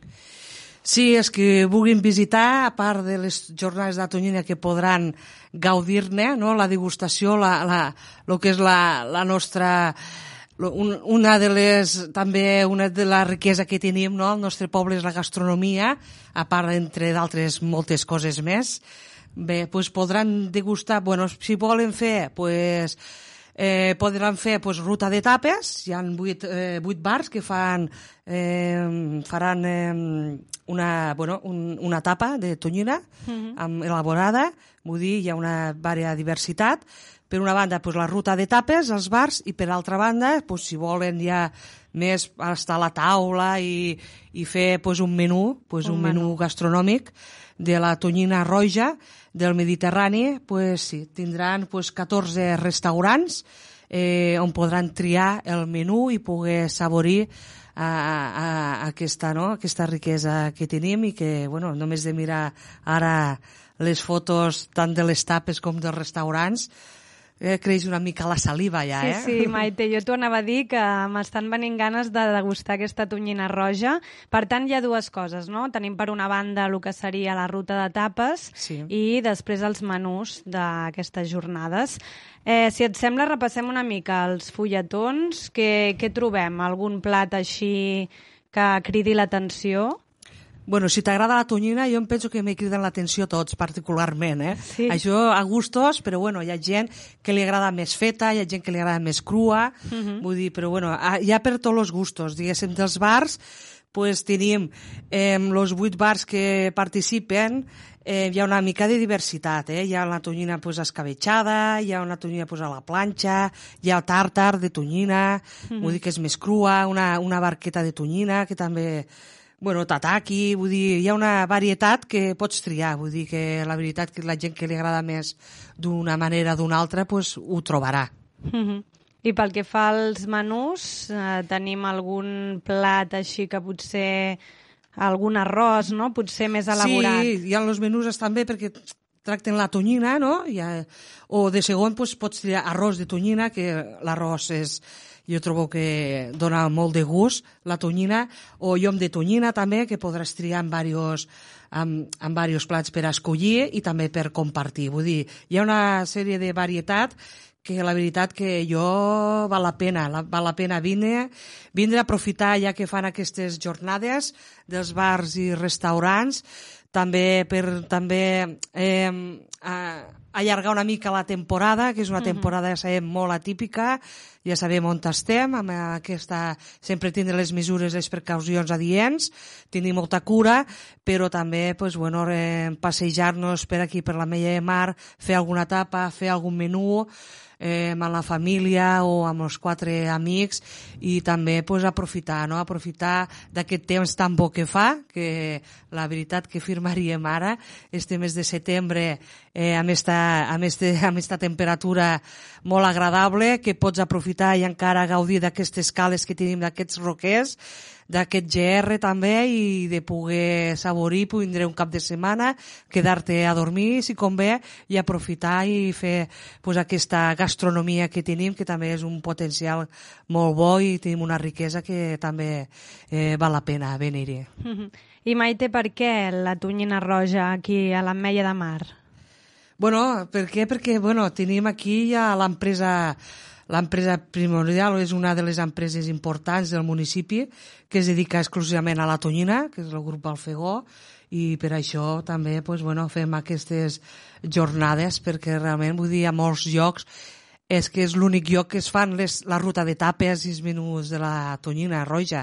Sí que hi ha altres rutes de tapes que aquí també fem altres jornades dedicades al, al nostre producte que tenim, que és el peix de llotja, uh -huh. però vull dir, de Tonyina pues, és, és aquí al municipi de la Mella de Mar.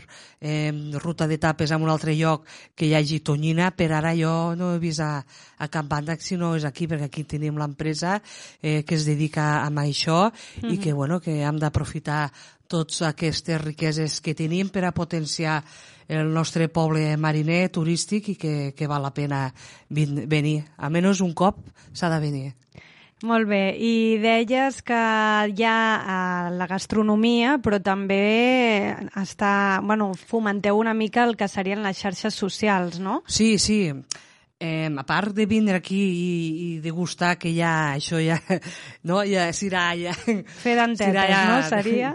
Sí, pues també, bueno, la gent podrà participar. Fem dos concursos, un uh -huh. a l'Instagram, que la gent, pues, tant la tapa com vagi a fer el menú, podrà fer la foto i penjar-ho a les xarxes socials, al concurs d'Instagram, amb els dos hashtags, un que és el general, que sempre és per totes el hashtag Ameia de Mar, i este específic que és hashtag Tonyina Roja 20 d'acord? Per pujar, penjar les fotos i pues, totes les fotos entraran en un sorteig de dos menús dobles per les properes jornades que les celebrarem a l'octubre, si, tot, si no passa res, en principi ho volem organitzar. Les properes jornades gastronòmiques serà de peix de llotja i de l'arrossejat, uh -huh. que seran del 9 al 18 d'octubre. Vale? En principi, si ho podem fer, a mesura que ho puguem, ho farem. I a mesura que poguéssim fer totes les altres, pues, a poc a poc eh, pues, ho anirem fent. Sempre amb precaució i sempre amb tota la responsabilitat i les mesures pertinents que calguin fer. Això, evidentment, que ho farem. Uh -huh.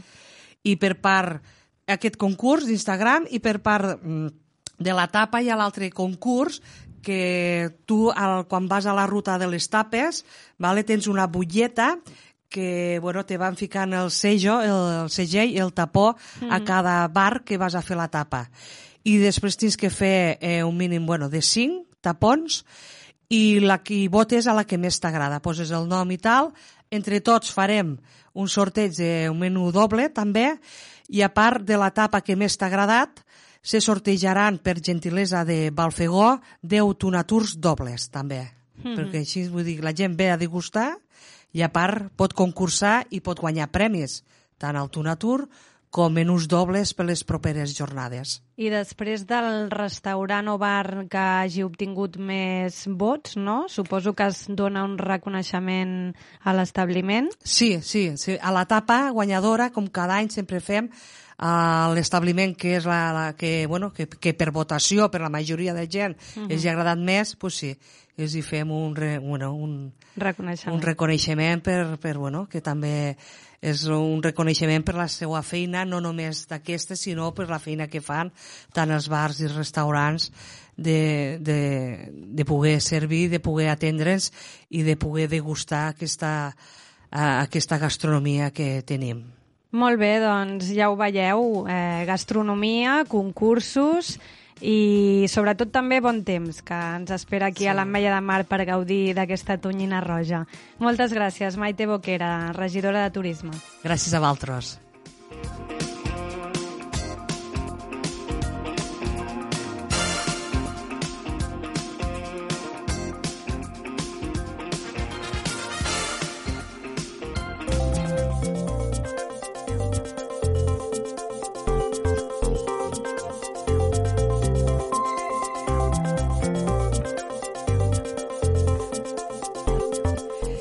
Temps ara per al nostre col·laborador Marc Duc, que ens ha fet arribar la seva píndola d'opinió de tots els divendres. Endavant, Marc. El 2020 va caure un cometa i la Terra va deixar de tenir una població regular durant més de 300 anys. Un món postapocalíptic. En recuperar una vida semblant a la que hem tingut els humans al llarg dels segles, viure junts, imitar les vides antigues, tornava a haver abundància, van començar a córrer pel món tot de gent que podien perdre el temps en feines superflues. Entre aquestes trobem una de les feines més superflues que han existit en aquest món. Arqueòleg informàtic. I en això que tenim el debat de dos teses bàsiques. El primer en postejar el cometa és una influencer de 13 anys de París i els que diuen que el primer en postejar és un home de 53 anys d'una aldea de Pakistan. És important quin dels dos va ser el primer? Bé, l'importància és relativa.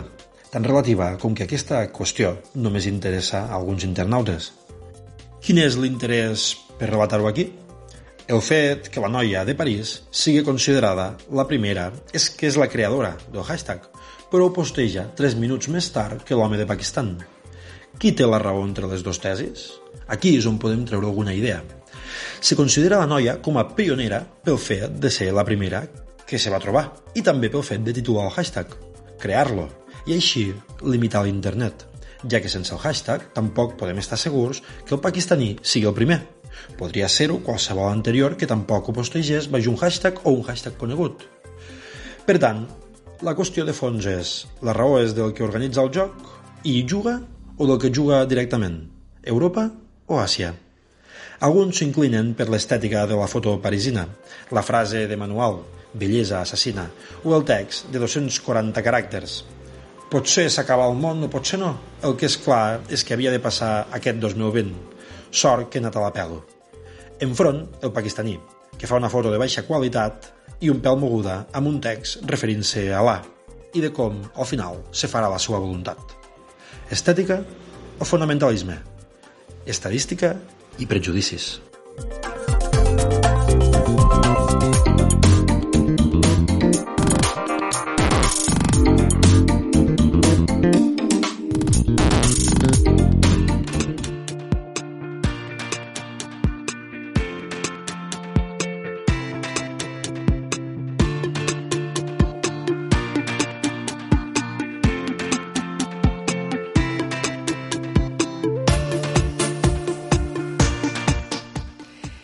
Avui a la secció Identitats parlarem de Birles, un dels jocs tradicionals més populars de les Terres de l'Ebre, tot aprofitant que la setmana vinent tindrà lloc el quart Congrés Nacional de Bitlles a Reus. Eduard Carmona ha parlat amb el president de la coordinadora intercomarcal de Bitlles Birles, Jordi Torrent, una de les entitats organitzadores del Congrés.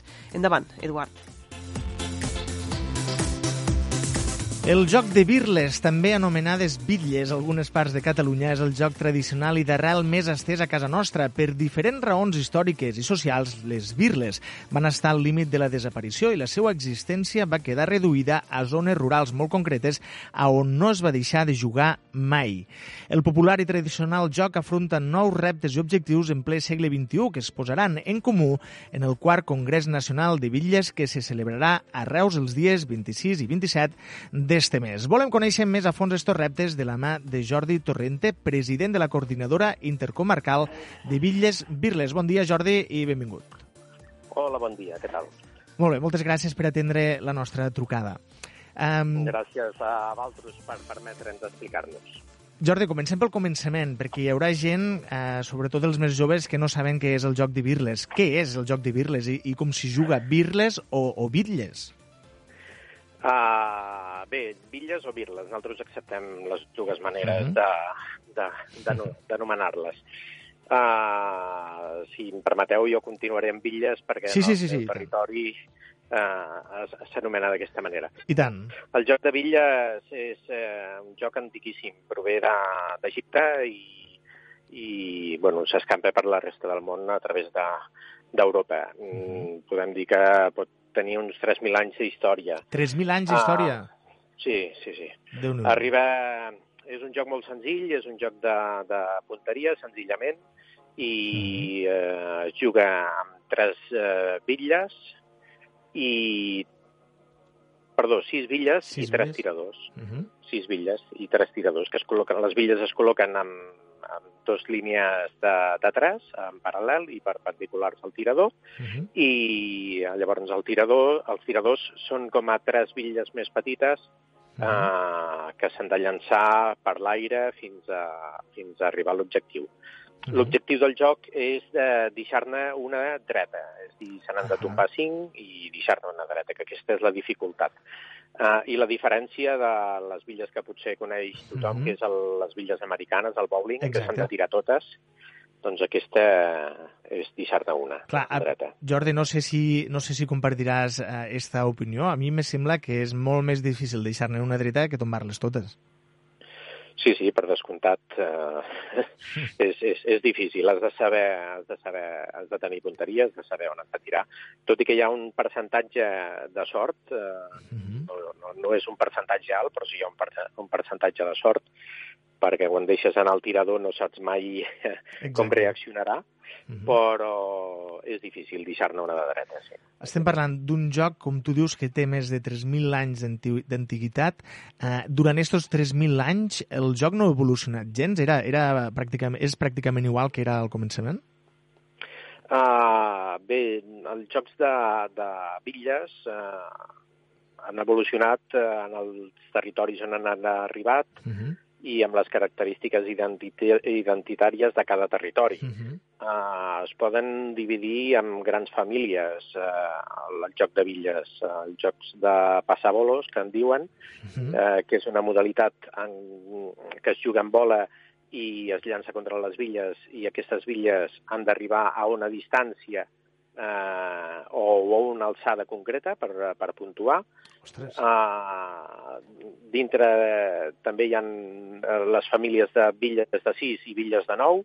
Sí. Uh, les bitlles de 9 es juguen amb bola i, i les família, la família de 6, perquè només hi ha una família de 6, Uh -huh. uh, que és uh, les bitlles que juguem nosaltres, uh, pues, uh, jugar amb tirador, que és la característica de, de, del, del joc. Uh -huh. Que eh, no, no és... Uh, la, majoritari, uh, la major part de jocs són de, de bitlles de 9 i aquesta de 6 només eh, és característica d'una zona molt concreta també, eh, perquè no es juga en tota, tota Europa, d'una zona molt concreta i, i la característica que no, no es juga amb bola, que es juga amb tirador. A, a Catalunya el joc de bitlles de 6 eh, està delimitat a la zona de Lleida, si no m'equivoco, no?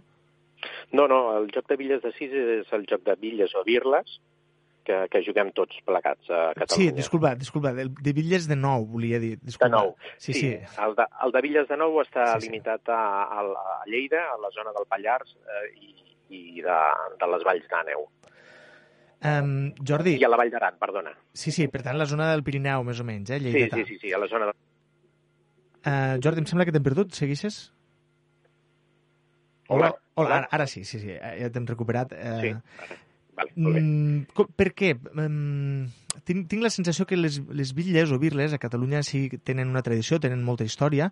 No sé si a la resta de l'estat espanyol eh, passa el mateix. A la, els jocs de bitlles com a bitlles, sí. Eh, tenen molta tradició, sobretot a la cornisa cantàbrica i fins a la península. Sí? Hi ha molta tradició de jocs de, de bitlles i amb moltes varietats. Eh? Bitlles de nou, bitlles passabolos... Eh, I el que no hi ha és la nostra família, la nostra família de sis, que es concreta més a Catalunya, al sud de França, eh, una mica de franja de l'Aragó i llavors eh, certs punts eh, aïllats a la resta de la península, arribant fins i tot a Extremadura. Déu-n'hi-do. Déu nhi La pregunta que ens fem molts és per què va passar de ser un joc eh, tan popular i tan estès a ser avui en dia un joc, eh, no et diré desconegut, perquè no ho és, però, però sí tinc la sensació que practicat només per una sèrie eh, de persones molt, molt concretes, no? persones que potser han rebut una certa tradició, potser familiar, eh, i en canvi no és un, un joc que, que vegis molta, molta gent al carrer jugant-hi, no? espontàniament, o, o que molts pobles potser no tenen un parc de bitlles, un parc de birles preparat per jugar-hi eh, de manera adequada.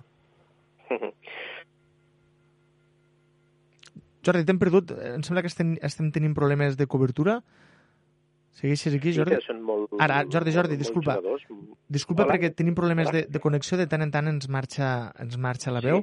Vinga, eh, no hem sentit res de la resposta, si pots tornar a començar, sisplau. Ah, sí. sí. Uh, dic que nosaltres no som un poble jugador. Mhm. Així com a França sí que uh, són jugadors i mantenen molt el, les seves tradicions de joc, Sí. nosaltres no ho som. Hem de tenir en compte també que el, el, el joc eh, prové d'un joc d'apostes Ah. que es jugava en els bars i pues, eh, potser en els dies de, de festa major eh, hi havia tirades populars, però tot Sí. i així continuava sent un joc d'apostes. El seu joc d'apostes hi ha, eh, des de molt antic, eh, hi ha datacions del 1300 a Torroja, del 1600 a Reus, Mhm. d'ordinacions de les viles que prohibeixen jugar a, a les bitlles. Mhm. Uh, llavors, uh, sempre ha estat un joc uh, una mica atacat, no?, pel fet de ser de, Mhm. de joc d'apostes. I amb la, amb la Guerra Civil pues, s'arriba a perdre a, a perdre a quasi bé a tot el territori, eh? tot i que era un joc popular. O sigui, eh, diguéssim que en certa manera la moral va passar-hi per sobre, podríem dir. Mm, Sí, exacte, exacte. Després de la guerra, cap als anys 80, es comença a recuperar una miqueta el joc, però arriba principalment a, a un públic o a un practicant o un perfil de practicant d'edat alta, d'edat elevada. Hi ha Mhm. quasi eh, jubilats i, Sí. i gent que té, que té eh, temps de lleure i llavors, eh, pues, igual que van a jugar a petanca... Sí, això estava que- pensant, justament. que n'hi ha que van a recuperar les tradicions i juguen al joc de bitlles, no? Uh -huh. Um, nosaltres aquí a les Terres de l'Ebre tenim una llarga tradició de, de birles. Um, fins i tot, vaja, jo no tinc, no tinc dades a la mà, però, però aquí sempre sempre s'ha jugat a birles. Fins fa uns anys que sembla que, que hi ha hagut un trencament generacional i les birles pràcticament uh, o, sí que s'hi juga, però, però és el que et deia, eh? hi ha una gran diferència quan la gent gran parla de quan jugaven a, a birles i, i la gent jove potser per desconeixement no s'acaba d'interessar. Eh, suposo que, que en este congrés que, de, que tindrà lloc els propers dies 26 i 27 a Reus parlareu de com revitalitzar el joc de les bitlles. Uh, sí, i, i de fet és un problema que abarca no només el, el, el joc de les bitlles en particular, el joc tradicional en general, sinó que hi ha amb, a molts esports en concret i, i eh, potser el futbol, que és el més important, o el bàsquet, així jocs de pilota molt, molt, molt extesos i amb molta potència econòmica al darrere perquè surten Sí. a la televisió i tot això, aquests eh, són més populars, però tota la resta de- d'esports i jocs i deports tradicionals eh, hi ha una manca de, de, de relleu, de, costa molt que els joves es mantinguin i tot això. I amb aquesta particularitat, doncs, encara més. El jove, eh, la nostra particularitat de les villes de Sis, el jove té molta, molta informació, molta influència mm -hmm. i, i fer que arribin i que s'hi quedin costa molt. Tots els que, tot i que els que arriben, a la llarga tornen i continuen eh, transmetent la, la, la tradició, no? Clar, Jordi, jo me preguntava abans, eh, abans eh, quan m'estava preparant l'entrevista, si potser establir una sèrie de competicions i lligues seria una bona manera de dinamitzar i de normalitzar el joc. Als anys 80 es va començar a recuperar el joc i llavors eh, es va veure que si entraves en competició doncs hi havia un interès més gran mm -hmm. i, i la gent hi participava. Uh, sí que la competició manté una, un interès per ser-hi i com més eh, gran en territori és la competició, doncs, mm -hmm. més interès eh, hi presta, però hi han d'intervenir altres, altres eh, objectius, aquí, altres causes sí. aquí. No només eh, la, la, la competició pura i dura. El joc de les bitlles, mm, si s'ha mantingut per ara, eh, eh, fins ara, és perquè amb els seus practicants eh, no hi ha una competició directa, mm, eh, hi ha una amistat, es crea sí. una amistat, uh mhm. -huh. i, i aquesta amistat i relació eh, és la que fa que el joc perduri. Eh, eh, podríem sí. dir que hi ha un quart temps a, sí. a, a, entre de les villes, igual que, igual que, la, que amb el rugby, sí. hi ha un quart temps. És dir, abans o després, eh, pues sempre hi ha aquell moment en què t'asseus amb els companys amb dels altres equips i, i fas la teva menjada, sigui esmorzar o sigui berenar, i, i disfrutes de l'estona. Uh, clar, uh, això fins que no ho proves no ho veus. Mm. Uh, vendre el, el, uh, el joc de billes com a joc de billes sí que costa, però uh, si proves això veus que tens relació amb altra gent d'altres pobles que potser no coneixeries mm i és la, la part enriquidora, no? Eh, per això que hem de, hem de saber vendre aquesta altra part, no només la part eh, esportiva eh, purament de, del, del joc tradicional de les villes. Suposo que també des de, des de la coordinadora intercomarcal eh, espereu eh, que arran d'este congrés, no sé si arran d'este congrés o, o arran de les conclusions que puguen sortir d'este congrés, eh, espereu rebre una major implicació per part de l'administració, potser eh, començant per ajuntaments i consells comarcals i està fins a arribar a, a no sé, al Departament d'Esport, per exemple, de la Generalitat.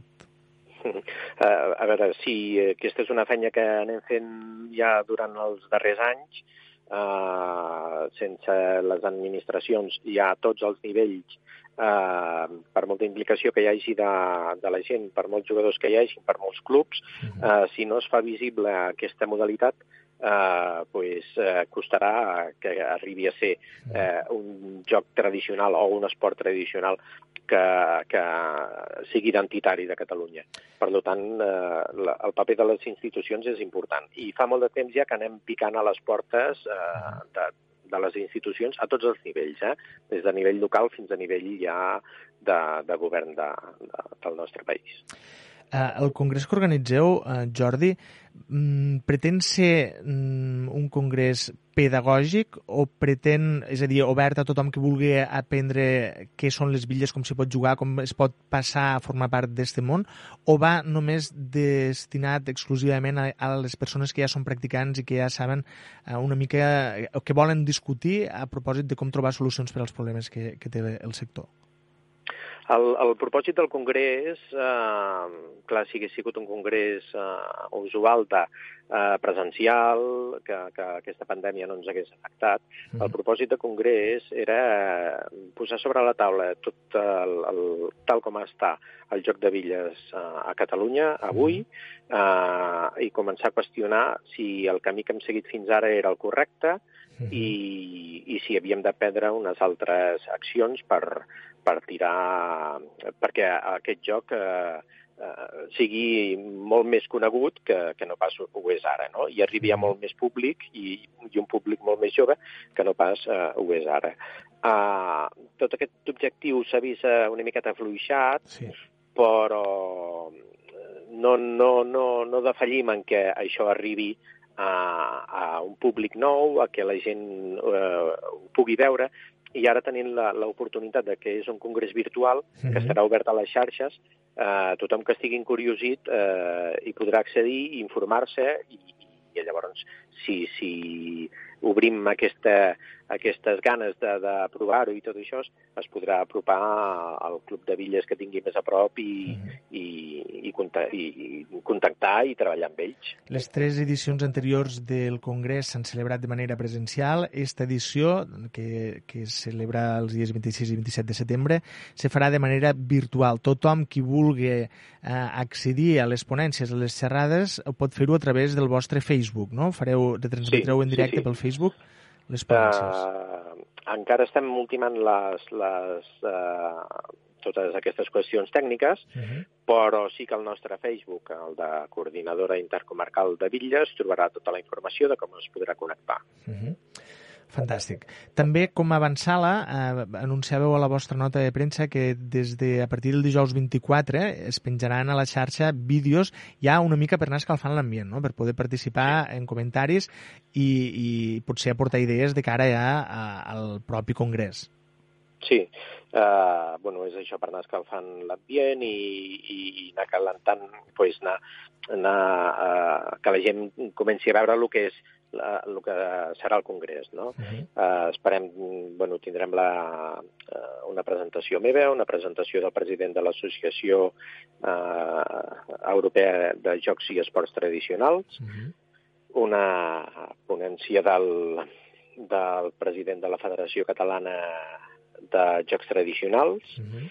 i algun més que estem acabant de concretar i, i llavors eh, quedaran penjats perquè la gent els pugui, els pugui veure. I si vol fer alguna pregunta, doncs en el dissabte es podrà fer aquesta pregunta. Fantàstic. Eh, me sembla molt interessant. Eh, veig que teniu perso distingides personalitats en el món dels jocs populars, també en el món fins i tot de, de l'associacionisme cultural. Eh, estava pensant, em, perquè vosaltres, des de, des de la gent que jugueu a, a bitlles, considereu les bitlles més un, un joc tradicional o més aviat un esport? La nostra associació, que és la Coordinadora Intercomarcal de Villes, la qual actualment aplega 28 equips de 28 pobles eh, de, de les comarques de Tarragona, eh, ocupem 7 de les 10 comarques de Tarragona, i aquest any se'ns ha introduït un equip de, de Girona, per tant estem ampliant territori.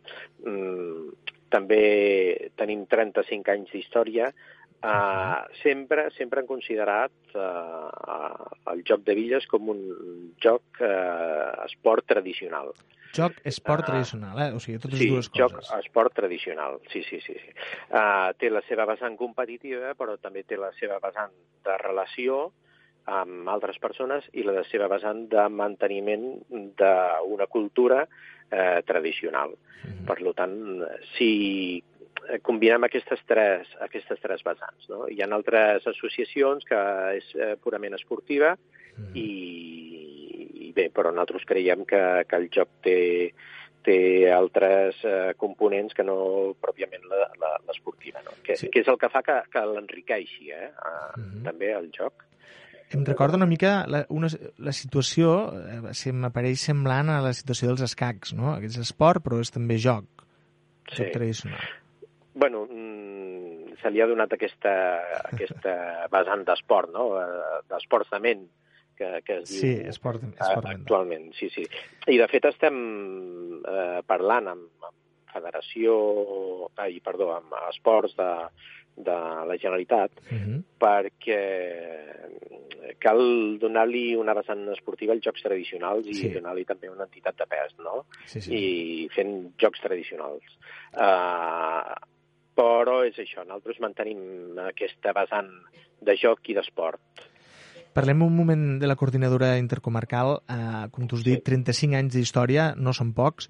Eh, i heu estat dels encarregats de mantenir i difondre el joc tradicional, en aquest cas de les Villes, en un territori, com tu dies, que engloba 7 comarques i 27 pobles de la província de Tarragona, a més t'he afegit sí. eh, de Girona. No? Eh, sí. les, les Terres de l'Ebre, si m'ho permets, parlar, focalitzar l'atenció Sí. en les Terres de l'Ebre, Sí, em, sí, sí. quin nivell de vitalitat eh, conserva el joc des, de, des del vostre punt de vista, eh, des de la coordinadora?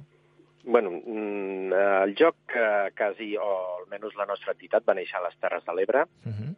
eh, als anys 80, concretament l'any 83, eh, es va fer un, una primera acció de d'agrupació de diferents pobles que jugaven a Villes. Uh -huh. Si no recordo malament, ara eren Rasquera, el Parelló i la Sènia. Sí. Uh, la Sènia actualment encara està en actiu i, a més, uh, molt actiu a nivell ja no només de Villes, sinó de, de joc tradicional. Uh -huh. Uh, bueno, hi va haver una sèrie de plantejaments i de discussions que van fer que hi hagués una cisió, una separació, i es anés a crear la Federació Catalana de Villes i Bowling i la coordinadora mantingués el seu, el seu, el seu terreny i el seu camí, no? Sí. Uh, llavors, uh, les villes uh, uh, a les Terres de l'Ebre han crescut dintre de la Federació Catalana de Villes, que té una vessant més esportiva.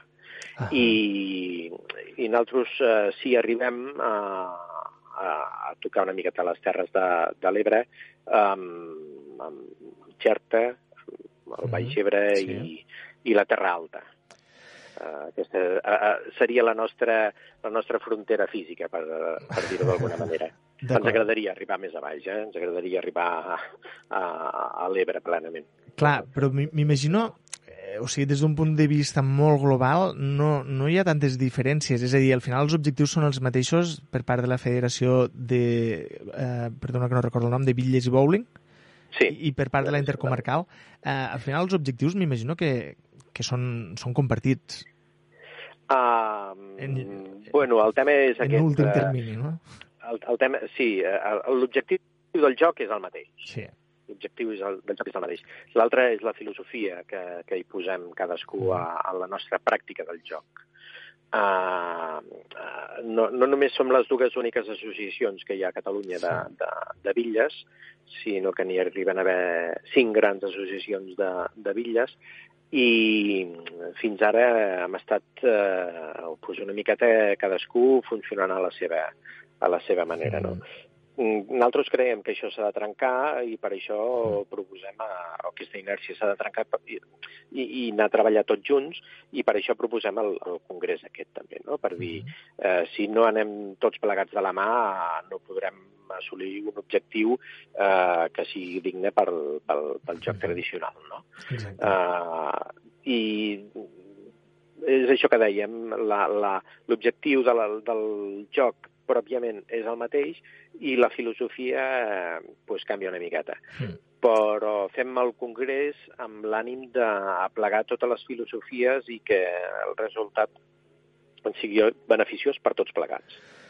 Jordi, més enllà del Congrés, també té, tindrà lloc la quarta trobada de jocs tradicionals. Mm. Bueno, mm, eh, amb aquesta hem hagut de reduir-la molt al màxim i, i, i finalment eh, serà una petita tirada de bitlles sense poder tenir la trobada de jocs eh, tradicionals que, que volíem. No? La coordinadora està dintre de la Federació Catalana de Jocs Tradicionals, Sí. en el qual eh, pues, estem eh, treballant conjuntament també per donar impuls doncs, al joc del bèlit o bòlit, eh, al joc de la morra, que es practica a la ràpida I tant. I que està agafant molt d'impuls, amb el qual tenim molt bona relació i fem moltes coses eh, plegats. Uh, també un, un, un joc o esport tradicional que està en recuperació a les Terres de l'Ebre, Sí. que és la lluita del bac, I tant. uh, que també estan uh, pues, amb moltes ganes de treballar i això. I també tenim pues, la, la fona que s'havia perdut des de fa molt de temps i aquesta, aquests últims anys s'ha recuperat. Uh -huh. I estem recuperant també el joc de pilota. Eh, estem fent eh, contactes i veient com es podria recuperar aquest joc que també era molt tradicional i que s'ha perdut, el joc de pilota al carrer, que, que se, eh, seria com una mena de, de, de pilota basca o de pilota sí, valenciana. pilota valenciana, no? Sí. Sí, sí, exacte. Jordi, de tot això hi haurà exhibicions al final o només quedarà reduït finalment, com tu has dit, a la tirada de bitlles? Uh, finalment queda reduït a la, a la tirada de bitlles Uh -huh. i esperem pues, que en altres ocasions, com ja han fet, eh, amb, per exemple, a Orígens, a la Ràpita, sí. eh, es pogués, eh, puguem eh, demostrar tots junts eh, tota la varietat del joc tradicional que hi actuem, actualment a Catalunya. Uh, estos dos dies de congrés havien de concloure amb un dinar de germanor, no sé si encara es sí. manté.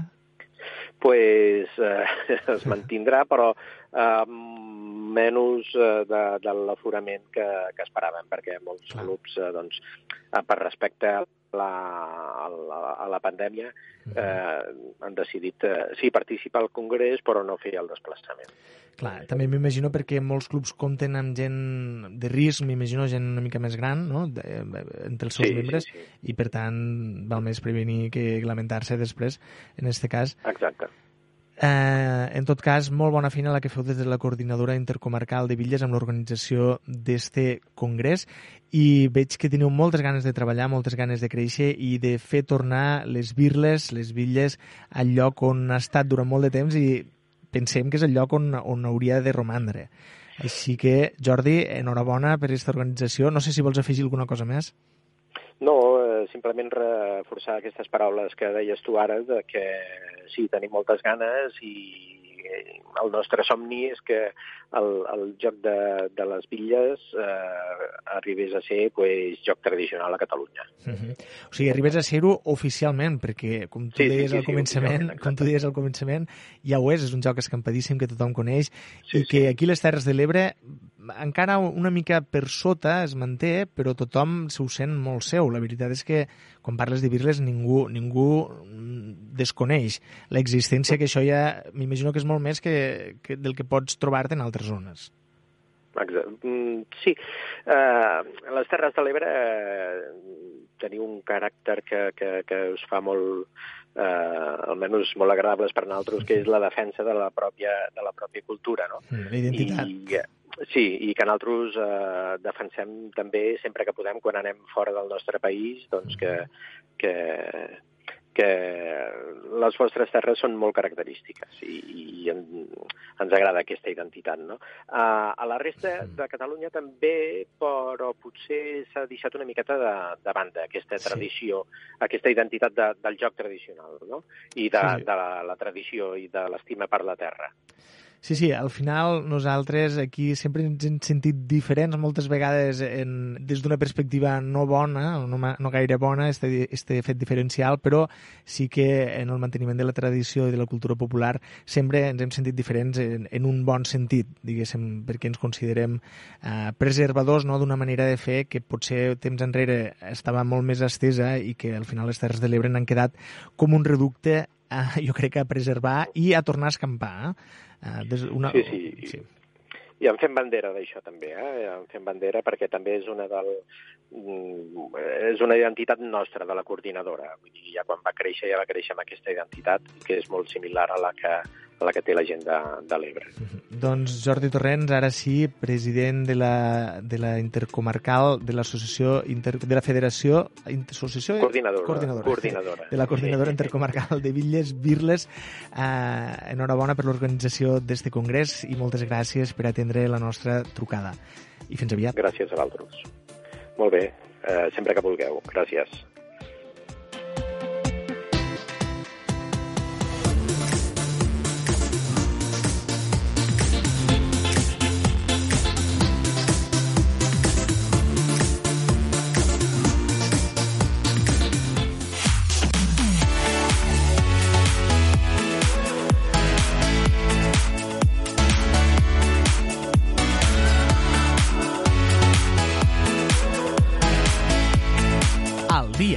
L'agenda de les Terres de l'Ebre. I abans d'acabar la segona hora de l'Aldia Terres de l'Ebre és l'hora de repassar l'agenda d'activitats culturals i d'oci que ens espera per a este cap de setmana. Anem en primer lloc a Ràdio Tortosa. Clàudia Ruiz, bon dia. Bon dia, Leonor. Avui divendres a l'agenda us portem les propostes que ens arriben des de l'Espai Jove Lo Carrilet de Tortosa, que ja han engegat la formació alternativa d'este 2020. I demà dissabte podreu participar al taller de gestió de l'estrès Milfulness i que començarà a les 9 i mitja del matí. L'impartirà el coaching i especialista en comunicació Pere Guiu i té un preu de 7 euros i 10 cèntims. Es durà a terme al Centre Cívic de Ferreries i us heu d'inscriure prèviament. I si ets jove i vols mostrar el teu talent vocal, des de Lo Punt Jove Lo Carrilet també han obert el concurs La teua veu mos sona. Podeu participar els joves d'entre 14 i 35 anys del territori i només haureu de publicar un vídeo a Instagram i etiquetar el perfil de l'Espai Jove. Així podeu guanyar un vol amb paramotor pel Delta, una nit per dos persones a un albert del Xanascat o un sopar per a dos persones a lo passatge. La primera fase del concurs sobre avui divendres i teniu temps fins al 27 de setembre. I acabem amb l'exposició que trobareu des d'avui al Museu de l'Ebre a Tortosa. Es tracta de retalls, un petit recull de captures realitzades al llarg dels darrers 12 anys i que capten la vida quotidiana. També compta amb un petit apunt biogràfic de l'autor, Senen Escoda. I anem ara fins a Ràdio Delta. Eduard Carmona, bon dia. Bon dia, Leonor. Vaja, bona tarda. Avui us portem, sent divendres, una sèrie d'activitats per este cap de setmana, començant per uh, unes activitats que es realitzen aquí a Deltebre, a l'Obrador, l'espai de creació impulsat pel coreògraf tortosí Roberto Olivan i ubicat a l'antiga Cambra Rossera de Deltebre, que demà, dissabte, arrenquen la seva programació, ju justament amb un taller de danses urbanes a les 10 del matí a càrrec del ballarí tortosí Edgar Cid. A les 12 del mateix dia de demà hi haurà previst, ja previst un workshop de dansa contemporània de la mà de la ballarina de de Deltebre, Joana Oliver. I diumenge, diumenge 20 de setembre, a les 6 de la tarda, pujarà sent el ballarí coreògraf Magí Serra amb l'espectacle La mesura del detall. Tot seguit, al finalitzar la tarda, a les 8 de la tarda, es podrà veure l'espectacle En va, de la companyia Amer i Àfrica Circ. A més a més, hi ha una altra activitat programada per este cap de setmana que us volem recomanar, que ha organitzat l'Associació Ecologista Delta Sostenible d'aquí del Tebre en col·laboració amb el grup Verd Lomeda de Camarles. Serà una neteja popular a l'abadia del Fangar. El punt de trobades és l'antic, bueno, el port d'Illa de Mar a les 10 del matí. Recomanen portar mascareta, vaja, és obligatori, recomanen portar guants i recomanen portar també calçat còmode. Doncs moltes gràcies, Eduard. Amb el repàs a l'agenda hem arribat a la fi d'esta segona hora de programa. Tornem d'aquí uns minuts amb la tertúlia. Avui és divendres i toca tertúlia política amb Ferran Bel, José Luis Aparicio i Jordi Gazani. Serà en uns minuts després dels butlletins de la xarxa.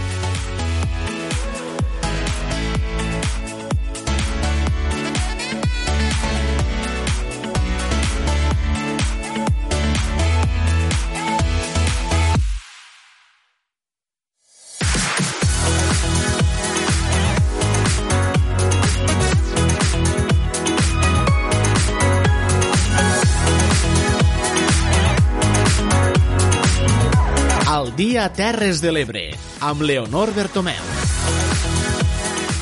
3 de la tarda i 4 minuts. Siguen benvinguts, siguen ben trobats a la tercera hora de l'Aldia Terres de l'Ebre. Avui és divendres i toca tertúlia política al programa. Tot seguit donarem pas als nostres eh, convidats. Ara, però, abans de continuar, els recordem que ens poden seguir a través dels dials de Ràdio Tortosa, Amposta Ràdio, Ràdio Delta, La Cala Ràdio, La Plana Ràdio, Ràdio Joventut i Ràdio Mora la Nova. Dit això, posem-nos ja en matèria i donem pas a la tertúlia.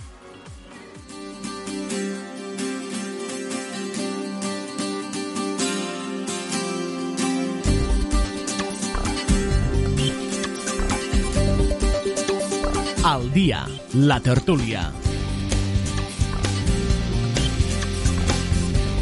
Com hem dit, avui tenim tertúlia política a l'Aldia Terres de l'Ebre. Podem dir que ha sigut una setmana políticament intensa. Hem tingut debat de política general al Parlament de Catalunya. El president Torra ha passat també pel Tribunal Suprem. A més, a Madrid, el Congrés dels Diputats, eh, esta setmana Vox perdia una votació en la que pretenia il·legalitzar els partits independentistes. Intentarem tocar estos temes avui en tertúlia, però sobretot ens volem fixar en el decret de romanents eh, que la setmana passada passada es va tombar al Congrés dels Diputats. Per a parlar de tot això, en primer lloc el que farem serà saludar els nostres convidats d'avui. Els tenim, els tenim els tres via telemàtica i saludem en primer lloc a Ferran Bel, diputat al Congrés i secretari d'Organització del PDeCAT. Ferran Bel, bona tarda. Molt bona tarda. També tenim a Jordi Gazeni, alcalde de l'Ametlla de Mar per Esquerra Republicana i vicepresident de l'Associació de Municipis per la Independència. Jordi, bona tarda. Bona tarda. I també tenim a José Luis Aparicio, portaveu del PSC a l'Ajuntament de Riba Roja i exalcalde de la població. José Luis, bona tarda. Bona tarda.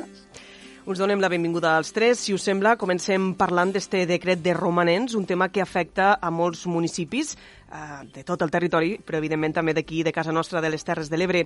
La setmana passada, com dèiem, el govern del PSOE Unidas Podemos va perdre la votació al Congrés d'este decret de romanents, un decret que podem dir que no satisfeia ni a partits polítics ni tampoc a gran part dels ajuntaments, sobretot aquí a Catalunya. Esta setmana sembla que hi ha hagut rectificació i la ministra d'Hisenda anunciava que se suspendrà el sostre de despesa este any en un nou decret de mesures urgents i permetrà als ajuntaments gastar el seu superàvit. Anem a veure com, com ho veuen els nostres tertulians d'avui. No sé qui vol començar. Eh, Ferran Bel, potser que de primera mà has viscut aquest tema des del Congrés dels Diputats.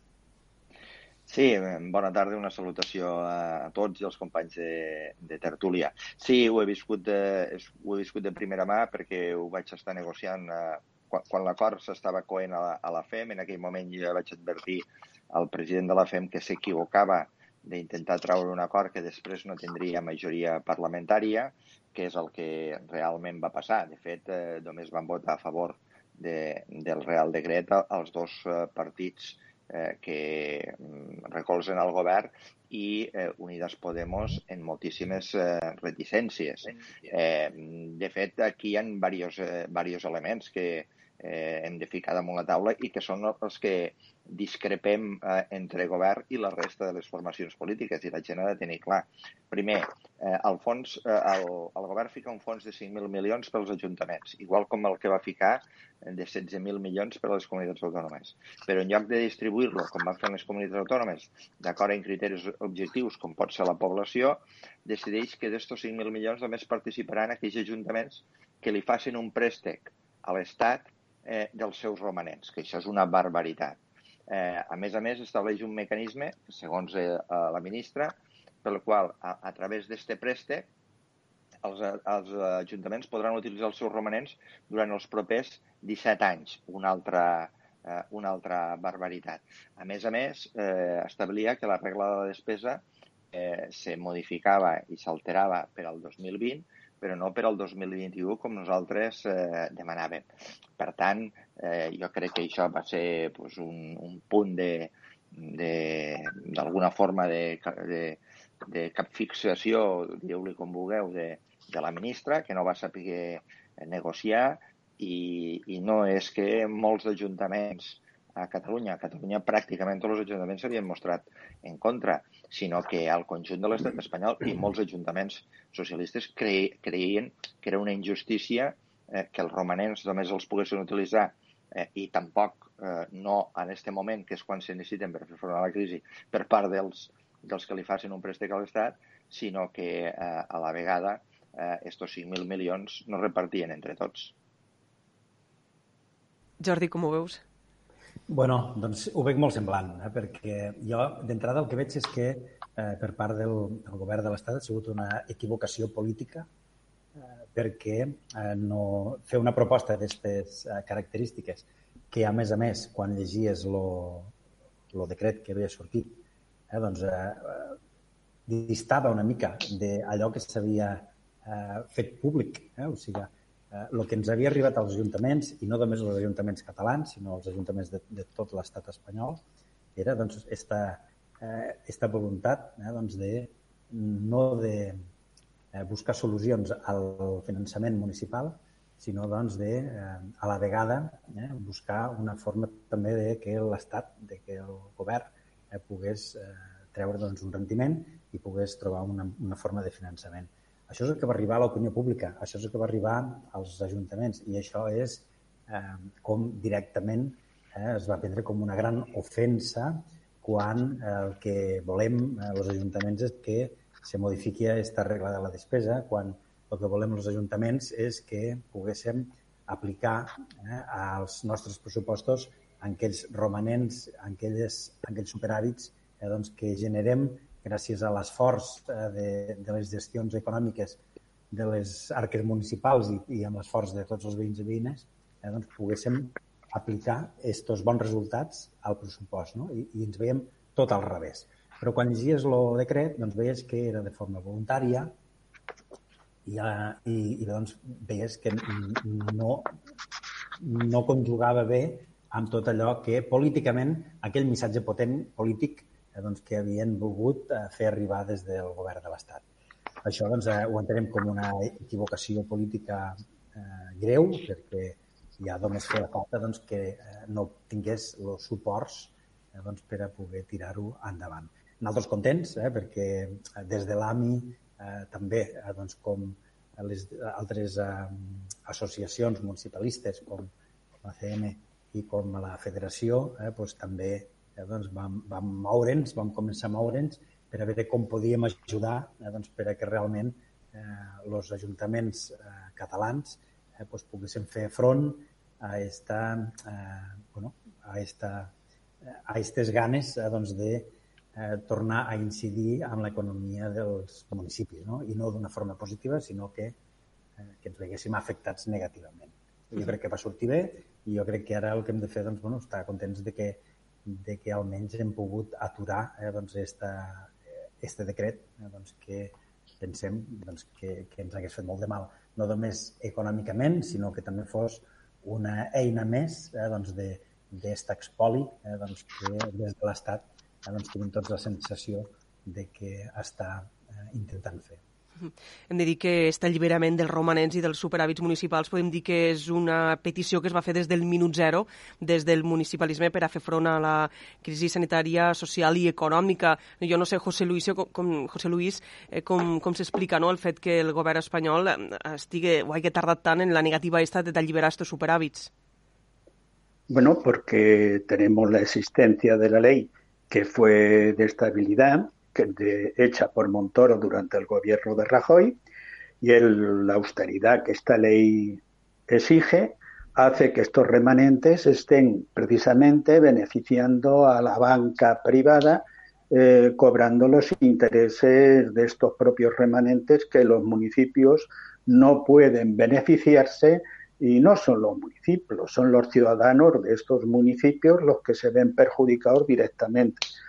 Yo de verdad eh, entiendo que la votación de 193 diputados que votaron a favor de inmovilizar los ahorros en lugar de, mo de movilizarlos en nuestros municipios y provincias no es lo más correcto, perjudica. No obstante, el mundo no se acaba ahí y precisamente la ministra ya ha dicho que escuchará si es que hay nuevas propuestas, porque parece ser que en, en el Congreso hay propuestas, casi siempre vienen del mismo punto y los demás están para votar no.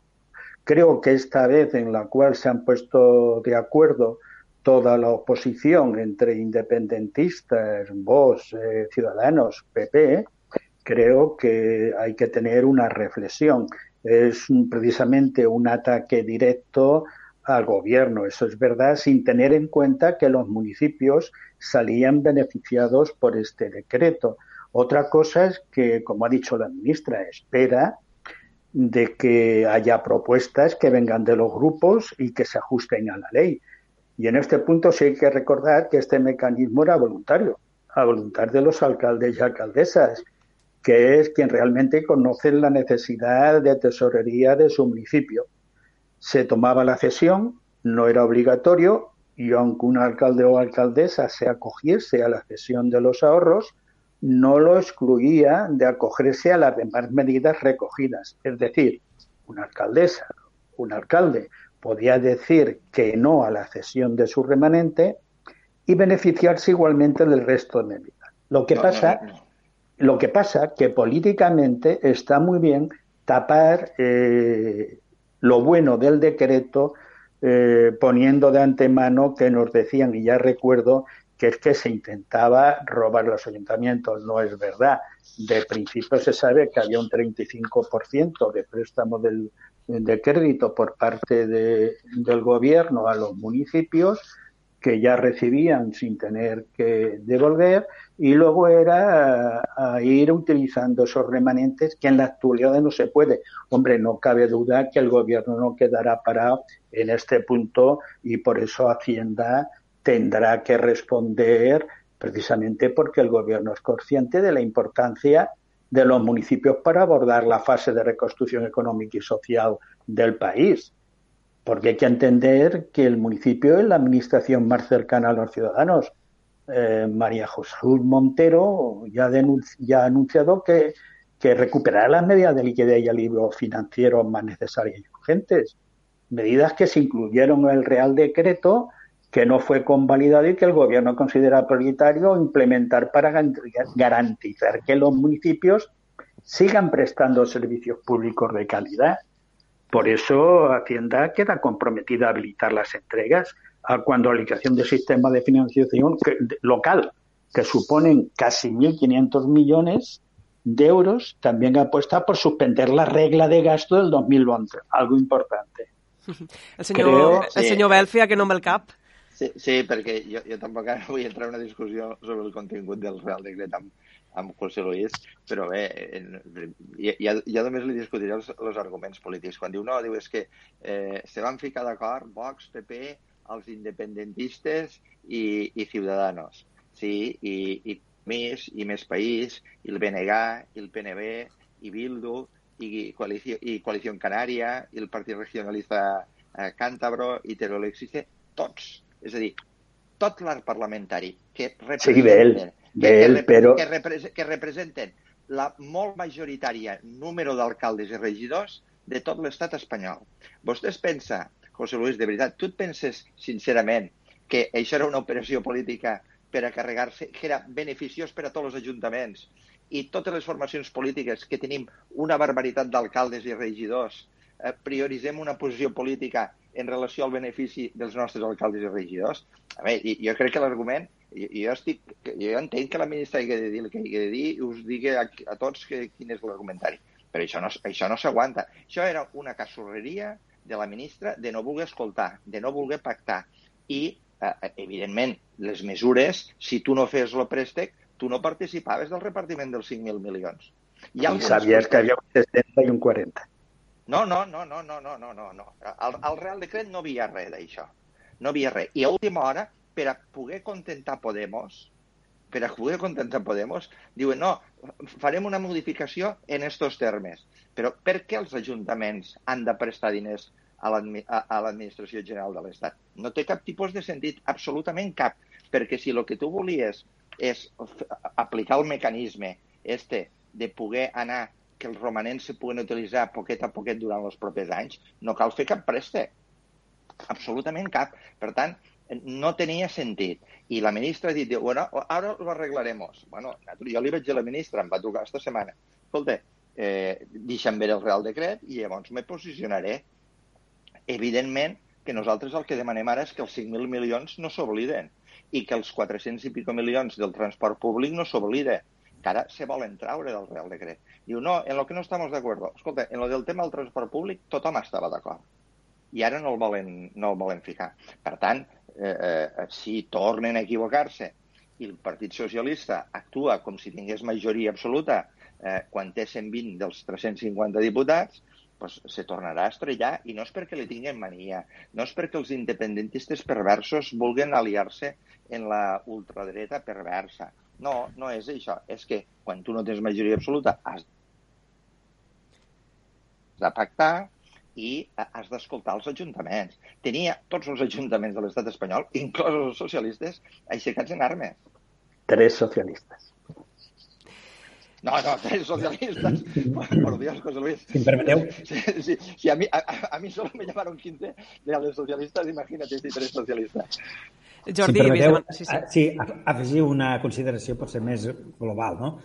Jo estic segur que l'estat espanyol l'Humania Quilmania, eh, la dreta, l'esquerra, el centre, eh, l'estat espanyol té, té un problema greu de, de finançament, un problema, un, un problema molt greu, gravíssim d'endeutament. Eh? O sigui, ahir eh, recordaven una altra, una xifra del, del deute, no? estàvem parlant de 1.300.000 milions d'euros, o sigui, estem parlant de més de 1,3 bilions, amb B, amb B, eh, de deute, eh, que, eh, bé, doncs això, mania que mania, eh, l'estat espanyol eh, és, eh, és presoner de, de, de d'aquesta eh, manera de, de, de, de mala gestió doncs, que han hagut tots aquests governs eh, doncs, que han anat any rere any eh, doncs, passant per gestionar l'estat espanyol. I, I ahir, és que ho comentàvem, diu que estiu, estem parlant de que és més del 110% del producte interior brut d'un país. Això, això, és, és, això fa por,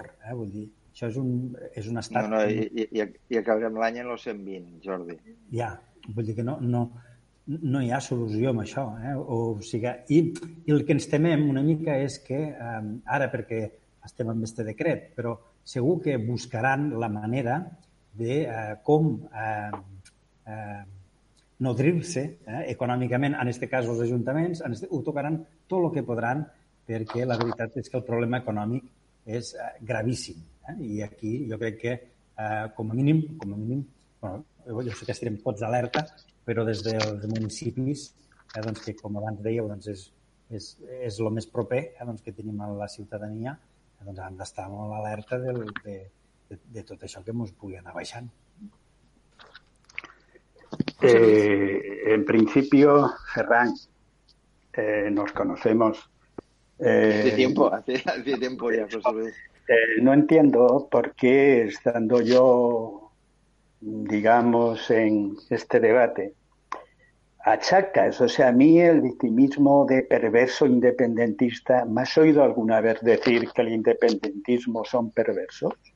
No, pero cuando has dicho que, que, esto respondía a una alianza de Vox y el PP con los Pero no ahora, pero que es normal, es normal. Porque claro, tú dices independentistas, el único partido de los nombrados que no es independentista porque eh, no llega a tener nunca mayoría absoluta es el cántabro.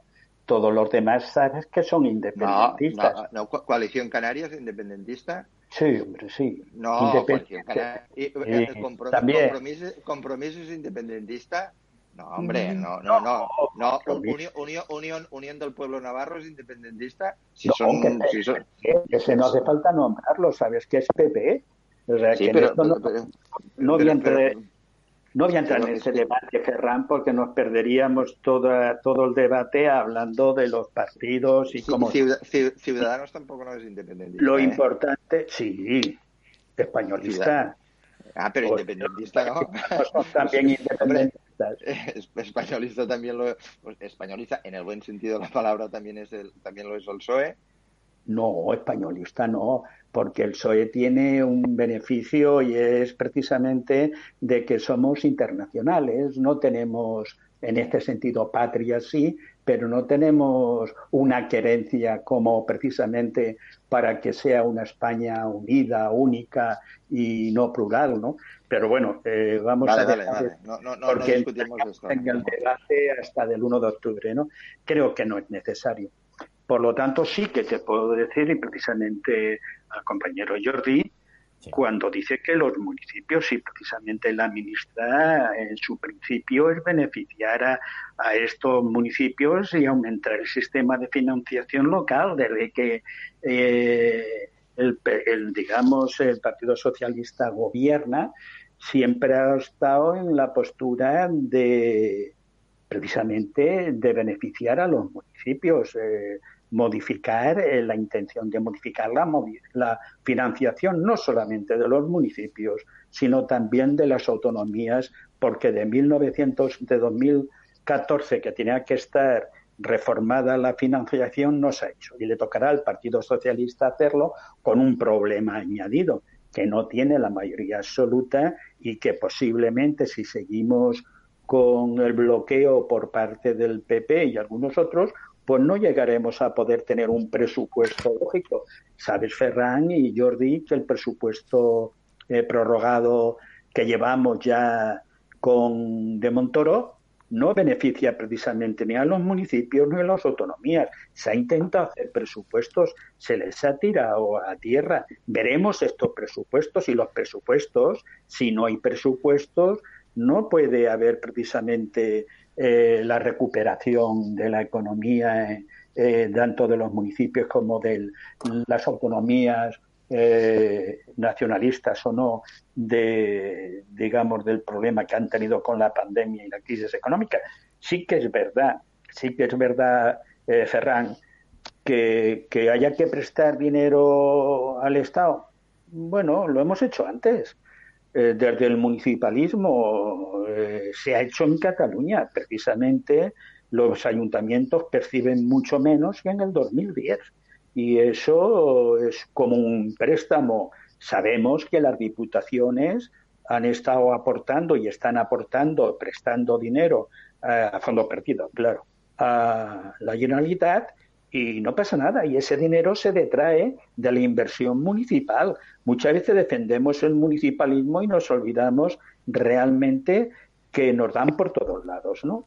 Creo que si el decreto estaba mal, ahora está la oportunidad de dar eh, o proponer propuestas que sean viables y dentro de la ley de hacerle propuestas al Ministerio. Hacienda, no obstante, ya toma medidas y con el fin de, de quitar la asfixia a los municipios, lo primero que ya he dicho que es muy importante es que el techo de gasto de 2020 se suprima, algo muy importante para los municipios porque entonces el remanente podrán utilizarlo el deseado, no?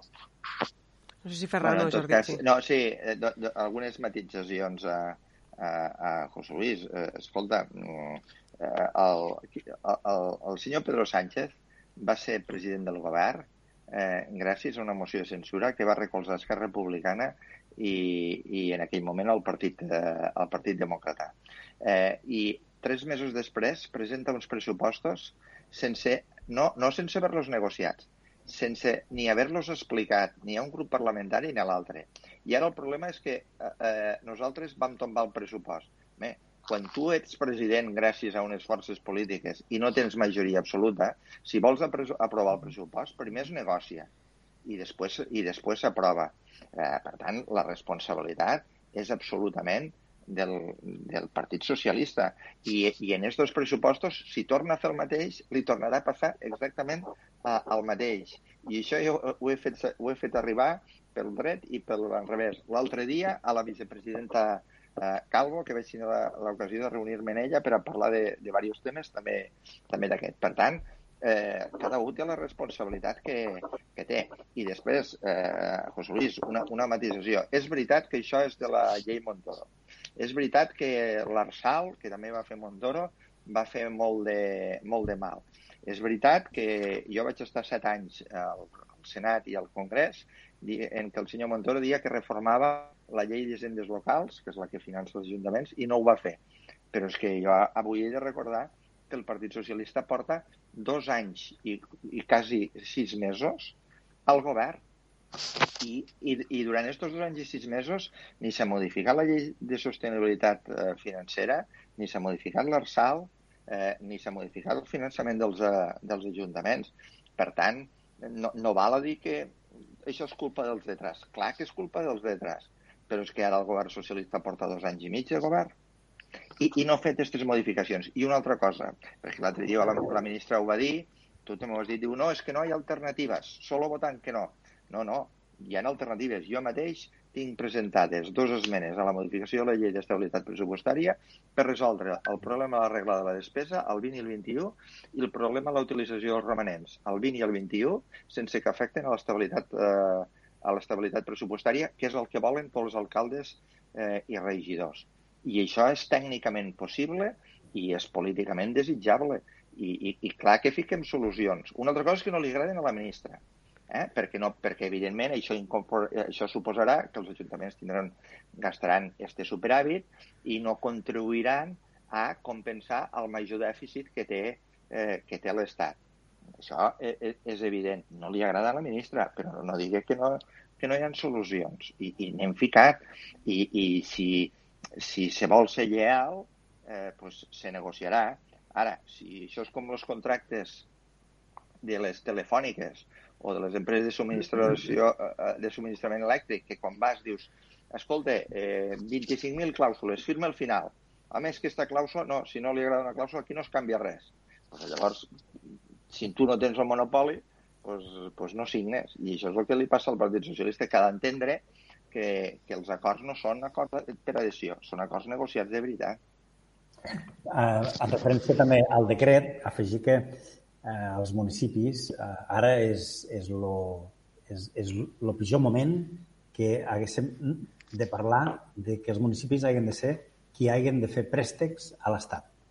Eh, o sigui, és impensable eh, que, el, que el, en, entenem, i ho entenem molts eh, dels, dels que treballem amb el municipalisme, que el municipi sigui qui hagi de finançar l'Estat. Però en aquests moments, sobretot de, de pandèmia, en aquests moments on ens hem de romangar, on a vegades doncs, eh, l'Estat, doncs, bueno, eh, quan, quan l'Estat ha reaccionat, nosaltres ja hem mobilitzat, ja hem treballat, ja hem mogut tots els pressupostos municipals per a poder eh, fer front a, a aquesta situació del coronavirus. Eh, jo crec que això és, és mm, no, no s'entén de cap manera eh, que es pugui eh, deixar entendre de que aquests moments són moments per a que els municipis hagin de fer cap préstec a l'Estat. Entiendo, entiendo, lo entiendo, Jordi. Cada uno tiene su planteamiento y sobre todo la repetición de algo más, pero voy a recordar eh, sobre todo a Ferran, que él sabe que la no aprobación de unos presupuestos eh, fue la pérdida de inversión en Cataluña de 4.000 millones de euros. No, ¿Sabes? això. José Luis, José, Sabes José que es verdad, que es verdad. per, No, no, José Luis, no, no me voy a repetir el último debate que tuvimos, el último debate en televisión que tuvimos, dije que te contestaría lo mismo que tú dijiste al tema de los recortes en sanidad, ¿no? No quise hacer en este momento y no lo voy a hacer ahora. Cuando tenga la oportunidad de que hablemos de eso, lo haré. Pero los 4 millones que venían No, però, mira, de inversión no han venido.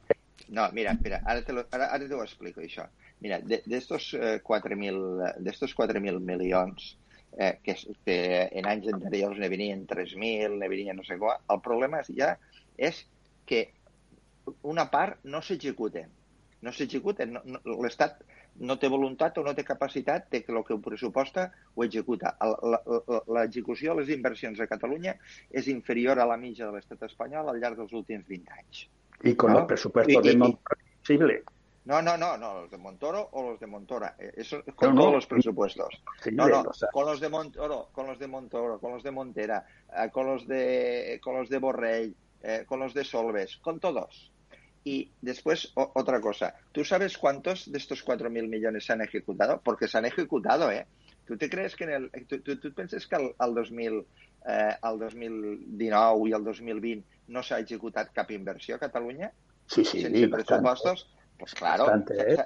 s'hauran executat pues, uns 1.500 o uns 2.000 milions, que són exactament els mateixos que s'executen que s'haurien executat en, en pressupostos. Més o menys és, és els mateixos.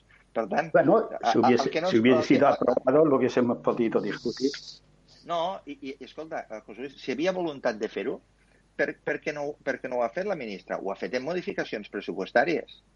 Tu saps que, que la, ministra, la ministra actual l'any passat va fer modificacions pressupostàries del Ministeri de Defensa, incrementant les partides del Ministeri de Defensa vora un- 1.200 milions d'euros?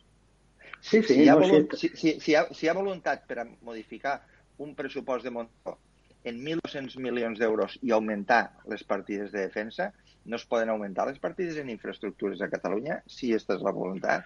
Sí, sí, lo que sucede que estos sí que son, digamos, perversos, ¿no? Defensa y, y fuerzas de orden y seguridad. Es algo que ya es, es una rutina escuchar siempre lo mismo, pero que el problema creo que es importante dada la crisis no que tenemos, que nos va, que nos viene y nos sigue cre- creando la crisis con la pandemia, es una responsabilidad de todos, no de uno solo. Recuerdo que al gobierno se le exigía que quitase precisamente el estado de alarma. Y ahora eh, que las estamos viendo que vienen baldadas, pues casi estamos exigiendo de una forma velada que se vuelva a ser el gobierno quien aplique esas medidas. Cuando las autonomías, si quieren, pueden hacerlo. Y el mando único en cada autonomía sabe quién lo tiene. Son las autonomías. Pero bueno, que en esto del debate... a, a, de, a, a Catalunya, qui, qui, qui, a Catalunya qui demanat, qui ha demanat ficar l'estat d'alarma a Catalunya? De forma No, explícita o implícita? Ah, no, no, eh, eso de implícita no, no me agrada. El decir cosas cuando precisamente lo que se dice es que el perverso Estado español eh, no nos hace nada, no nos tal, y eh, pedimos inclusive de que cuando vienen a ayudarnos eh, a apagar incendios, decimos que porque han venido, cuando nos vienen pero a que- instalar pero, José- eh, José Luis, hospitales pero- de campaña, pero- nos dicen pero- que los retiren. Creo però que eso no es però qui ho ha dit? Qui ho ha dit, això? Quan, quan, quan, si algun, retret, algun retret a la UME quan ha vingut a ajudar a apagar algun incendi a Catalunya? Jo, jo voldria que traguessis una declaració, no, no, ja no de la meva formació política, sinó de qualsevol responsable institucional a Catalunya. No, no, pero si no, no hace falta que lo digan ellos, ya mandan a los demás. Dime cómo cuando vino la UME a Cataluña, que lo que decían, inclusive en todas las redes sociales, con fotos eh, falsificadas. Por Te- te- favor, t'expli- José Luis, Ferran. T'explico, t'explico el que em diuen a mi a les redes socials, ni t'ho explico.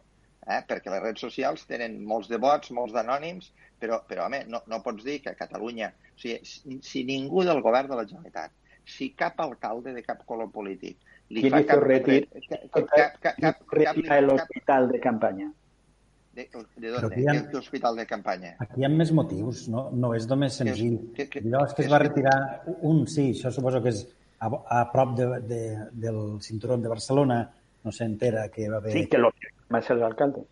Sí, però, però aquí hi havia altres motius. Eh? El que passa que es va voler, jo crec que es va voler utilitzar políticament eh? perquè per la contra també, eh? moltes vegades per aprofitar aquests moments. Jo crec que hi havia motius per a que no muntessin aquesta gent, o almenys que ho fessin amb les directrius que els responsables sanitaris sí que tenien, no les directrius eh, militars, per exemple. Jo crec que això no és tan senzill. Crec que ens hem anat una en mica del debat. José, José Luis, José Luis, que, que estàs parlant, que, que estàs parlant d'una persona que, que, i que jo intento, i, i ho saps, intento ser superobjectiu i, i, i, i, i, i, i no intento ser eh, gens, eh, gens hooligan per a, per a res.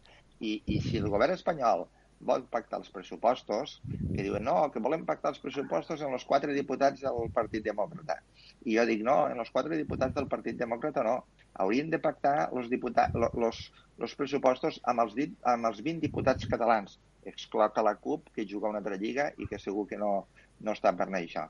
Però haurien d'intentar fer un, es, un esforç.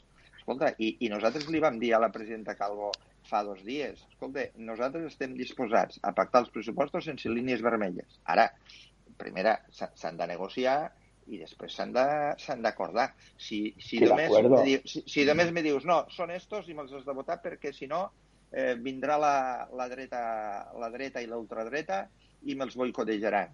I jo diré, home, eh, eh, puc fer-te alguna aportació? Eh, puc contrastar el meu programa electoral?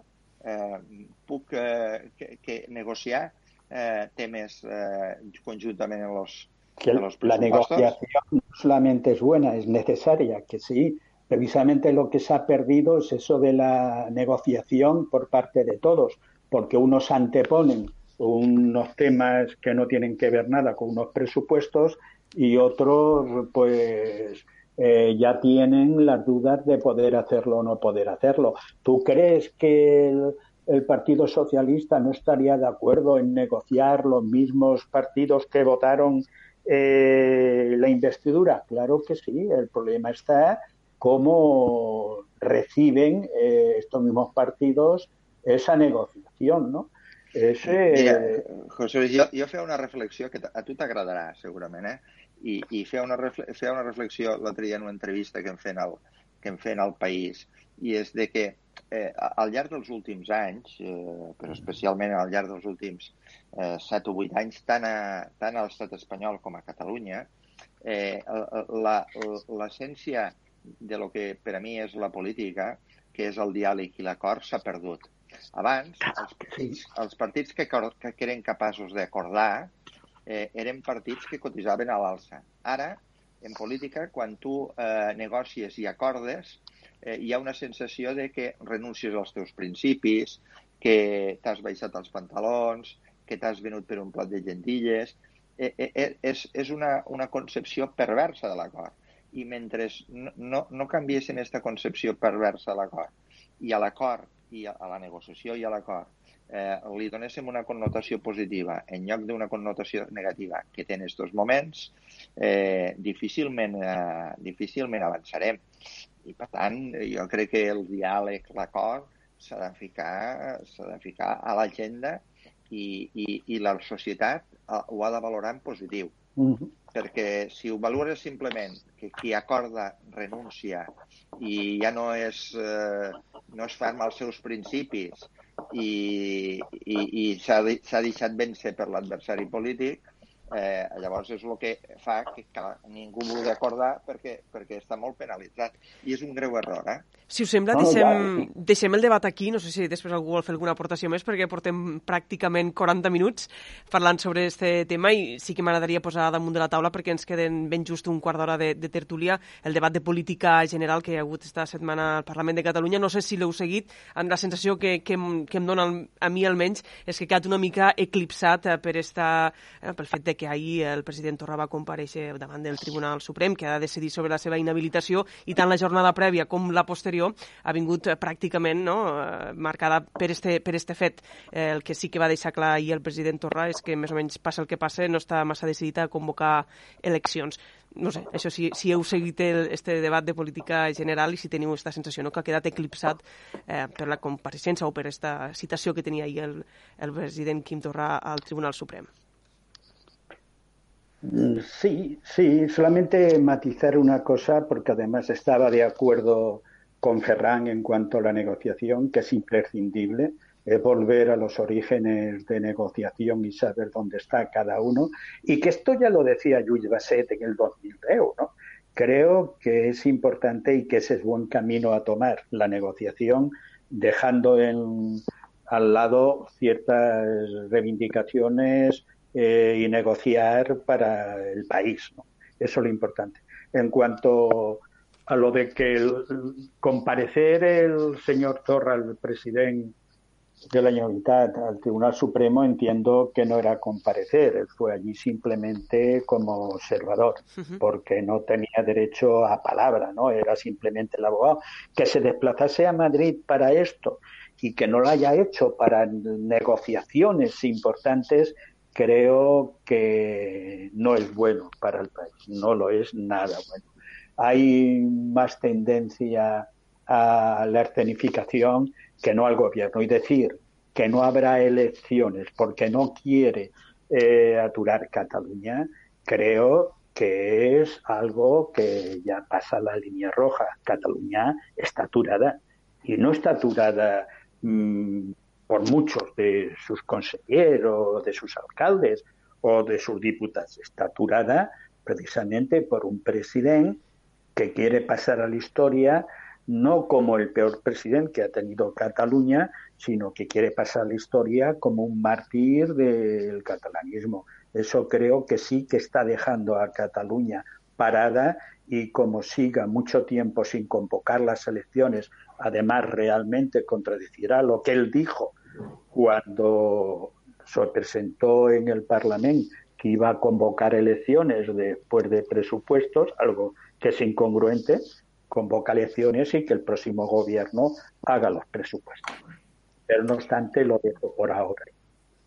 Vale, jo, pel que comenta el senyor Aparicio, si Catalunya estigués aturada, eh, que tampoc eh, entenc eh, doncs, que amb la situació eh, complexa sanitària que estem, eh, no sé com pots dir doncs, que, que, que està aturada, però si ho estigués, ho estaria per tenir gent a la presó, per tenir gent a l'exili, eh, per tenir un estat doncs, que, eh, que, bé, doncs, que és molt difícil dialogar amb un estat quan eh, tenim eh, que pagar doncs, este preu eh, tan alt. No? Jo crec que amb el que comentaves abans, és, eh, jo crec que és prou important i greu que eh, la possible inhabilitació d'un president eh, per no retirar eh, quan tocava, quan se li va dir eh, doncs, esta pancarta és, és prou greu eh, doncs, per a que passi per davant eh, doncs, de lo que és lo, eh, este plenari, eh, doncs, que hauria de ser doncs, lo plenari doncs, eh, més rellevant del, del mandat. No?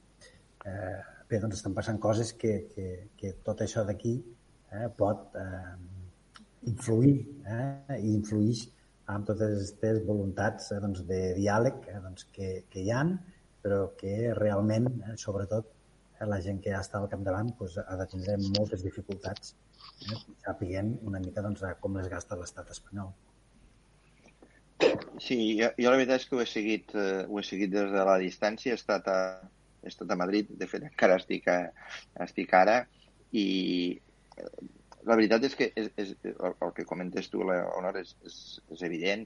Eh, ja sabíem que quan coincidien les dues coses eh, el, el debat eh, pues quedaria absolutament eclispat. Eh, jo també, la veritat és que la, la situació al govern és un, un, és, és un govern que tothom és conscient que està acabant, eh, que de fet des del gener el president Torra va dir que era un govern acabat, eh, pues, ha, ha tingut que fer front a la pandèmia i, i ho ha fet com, bonament eh, ha pogut, però, però és evident que una cosa és que la, la, la injustícia i la anormalitat democràtica eh, de, de veure com un president de la Generalitat eh, serà, eh, serà inhabilitat eh, per, per, per no complir eh, una resolució d'una junta eh, electoral que després posteriorment se va, eh, se va complir i no té cap tipus de sentit. És a dir, eh, serà més gran la inhabilitació que li ficaran al president Torra eh, per no treure la pancarta que, li, que, que la que li van ficar al president Mas eh, per convocar eh, la consulta del, del, no, del 9N. Per, imagineu eh, quin, quin, quins són els eh, paràmetres. Per tant, això és absolutament injust, jo no, no ho entenc, és, és incomprensible i és una normalitat. Ara, dit això, jo ho he dit, la potestat de convocar eleccions no és del president de la Generalitat, però la meva opinió és que jo no hagués deixat que el calendari el marqués al Tribunal, eh, al Tribunal Suprem, sabent objectivament eh, que hi haurà una sentència eh, que l'inhabilitarà a continuar com a president de la Generalitat. I, per tant, això no és normalitzar, no és normalitzar res. A partir d'ara doncs, s'obre un escenari d'interinitat més absoluta encara que la que va obrir el president de la Generalitat quan va dir que el govern hi havia arribat a la seva fi, al mes de gener, i no té sentit.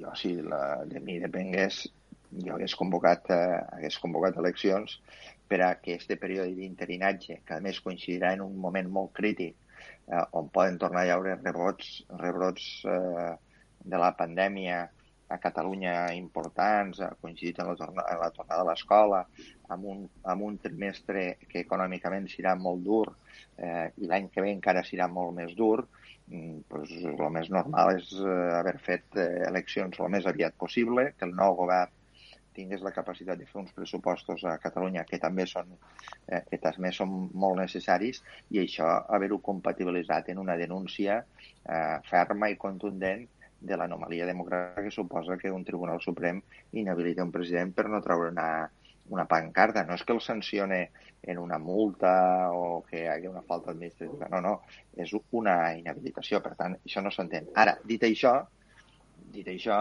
jo sincerament, ara sapiguem que la sentència serà la setmana que ve o l'altra, que obrirem un període que el, el pobre, en el, en el bon sentit de la paraula, eh? no, gens despre, no, no és gens de despreci, el pobre president de la, del Parlament haurà de veure eh, què fa, si, si, que no hi haurà cap alternativa, que hem d'estar 10 dies, després 60 dies, després 54 dies, fins que hi hagi un nou govern, un govern interí eh, en un president en funcions eh, que, que a hores d'ara, lo normal és que tots estiguessin fent el pressupost de l'any que ve i que ningú, evidentment, que no s'atreviran a fer un pressupost, un govern en, eh, en funcions.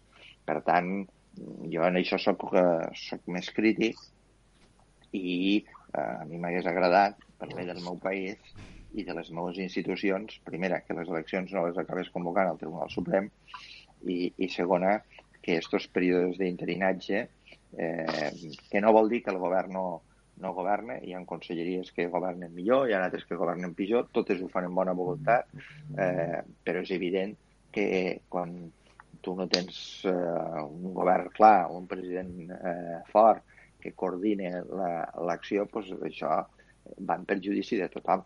I, per tant, la meva, la meva, la meva humil, humil opinió és que això s'hagués tingut que gestionar d'una altra forma, denunciant absolutament tota aquesta anomalia que representa eh, un, un judici que, bueno, com José Luis Díaz diu, el president no tenia cap necessitat de vindre perquè no havia de fer de testimoni, no havia de...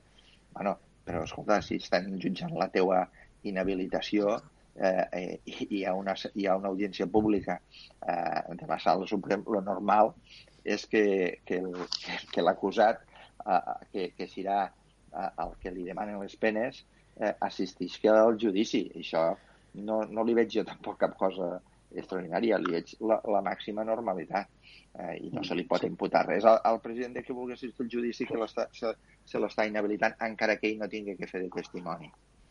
Sí, es lo mismo cuando se negocian los fondos de las autonomías que no asisten, ¿no?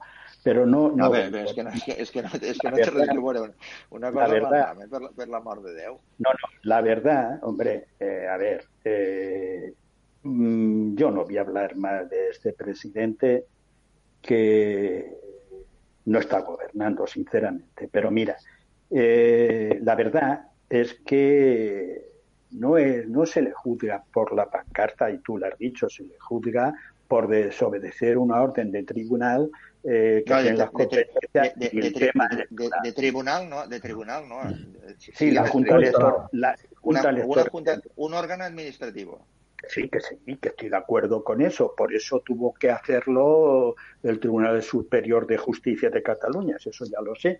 Pero sí que era verdad que eh, esa pancarta en periodo electoral vulnera la, la neutralidad que todas las institu instituciones tienen que tener en periodo electoral, llámese ayuntamientos, diputaciones, consejos si todos, todos. La va va traure que sí, que yo no, que además, mira, yo soy partidario de otra cosa y no sé si el Tribunal Supremo lo hará, no lo sé. Yo era partidario porque para no hacer mártir, no inhabilitarlo, ponerle una sanción económica la que corresponda dentro de la ley y punto, y no inhabilitarlo, que siga, que no hace mucho daño. Pero mira, a mí lo que me preocupa es que casi siempre se repite el mismo argumento, ¿no?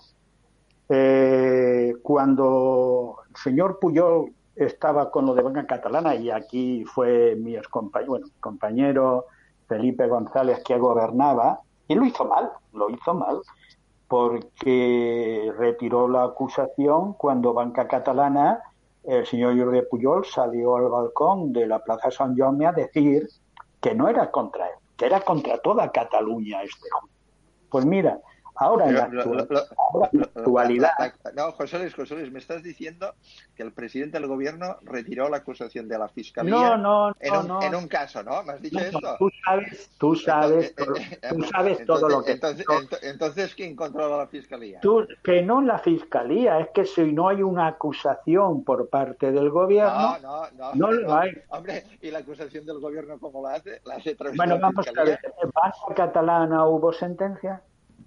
¿Eh?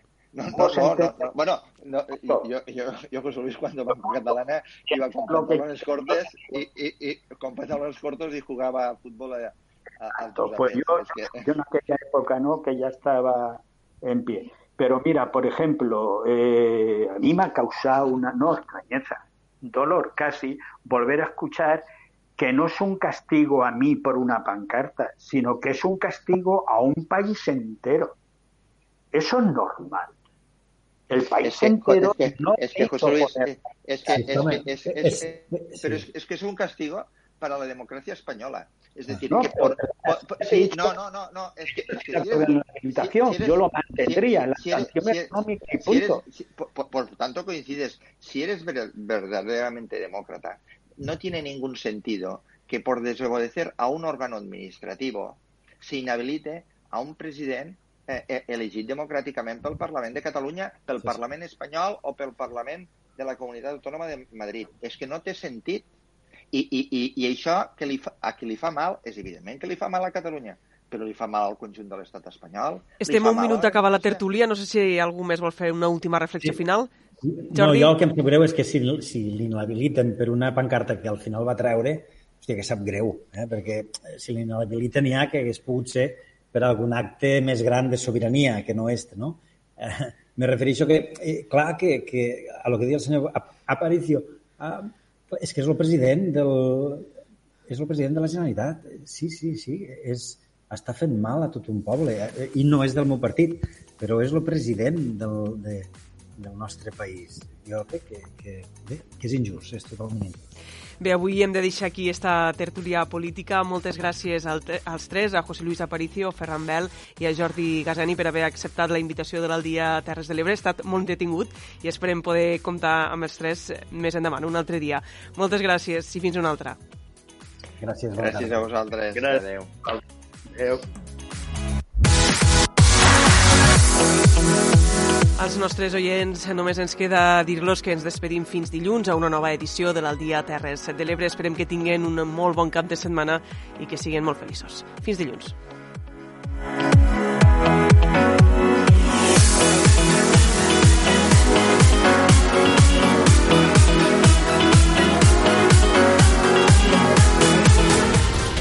Delta.cat, el butlletí informatiu de Ràdio Delta, amb tota l'actualitat de Deltebre.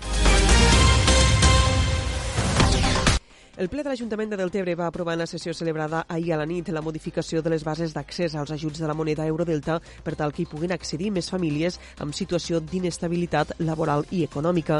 La regidora de Servei a les Persones, Lluïsa Ventura, ha explicat que en un primer moment la moneda es va pensar com a resposta a l'aturada per la pandèmia de la Covid-19 i el perjudici econòmic del Glòria, però que veient que les necessitats de les famílies han canviat, han cregut convenient fer una modificació de les bases per donar cobertura al màxim de famílies i està, per tant, al costat de la ciutadania. Així, per a poder accedir a l'Eurodelta, es multiplicarà la renda de suficiència de Catalunya per dos. Escoltem la regidora Lluïsa Ventura. Com sabeu, una de les primícies inicials del nostre govern sempre ha estat estar al costat de les persones i per aquest motiu intentem fer aquesta modificació per a donar millor cobertura i més cobertura a les famílies del nostre poble. No?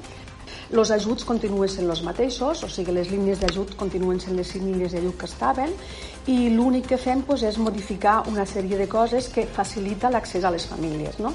eh, sobretot a les famílies que estan passant per una situació d'inestabilitat laboral i econòmica.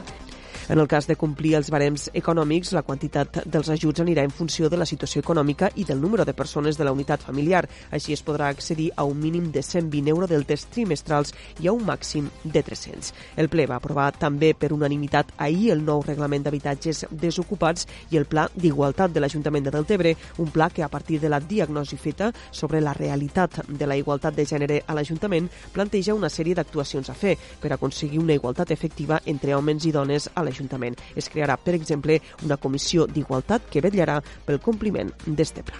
I encara afegim que l'Associació Ecologista Delta Sostenible de Deltebre ha organitzat conjuntament amb el grup Verd Lomeda de Camarles una neteja popular a la badia del Fangar emmarcada en la jornada Let's Clean Europe. La neteja serà el pròxim diumenge 20 de setembre a les 10 del matí i el punt de trobada serà el port d'Illa de Mar. Això és tot el que us expliquem per ara. Ja saben que poden continuar informats, com sempre, a través del portal deltacat.cat.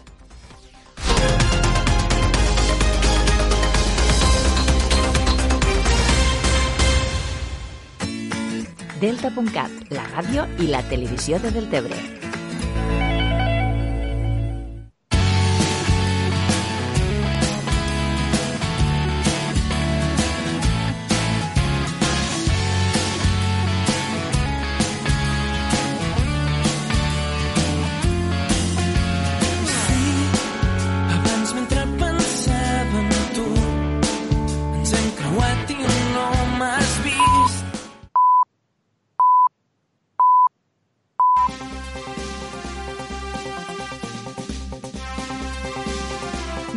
Notícies en xarxa.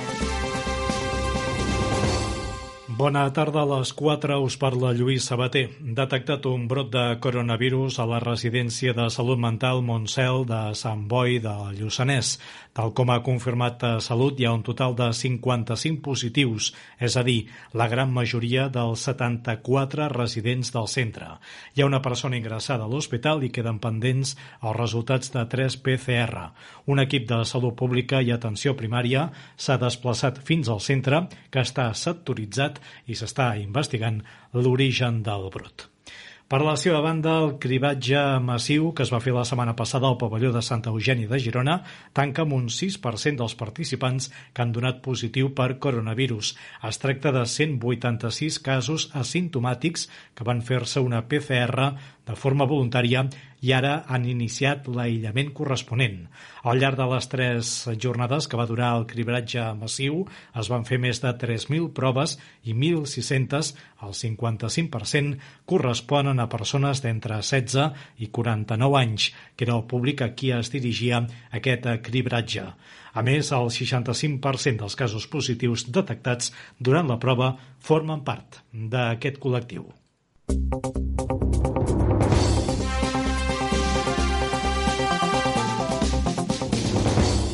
Més coses, una tripulació formada per quatre remers farà aquest cap de setmana la primera travessia a rem de la Costa Brava, completant els 214 quilòmetres que separen Portbou i Blanes. Es tracta del projecte Ocean Cats, que treballa en col·laboració amb la Universitat de Barcelona en la recerca sobre la contaminació dels microplàstics al llarg del litoral gironí. Ràdio Palamós, Jordi Rodríguez.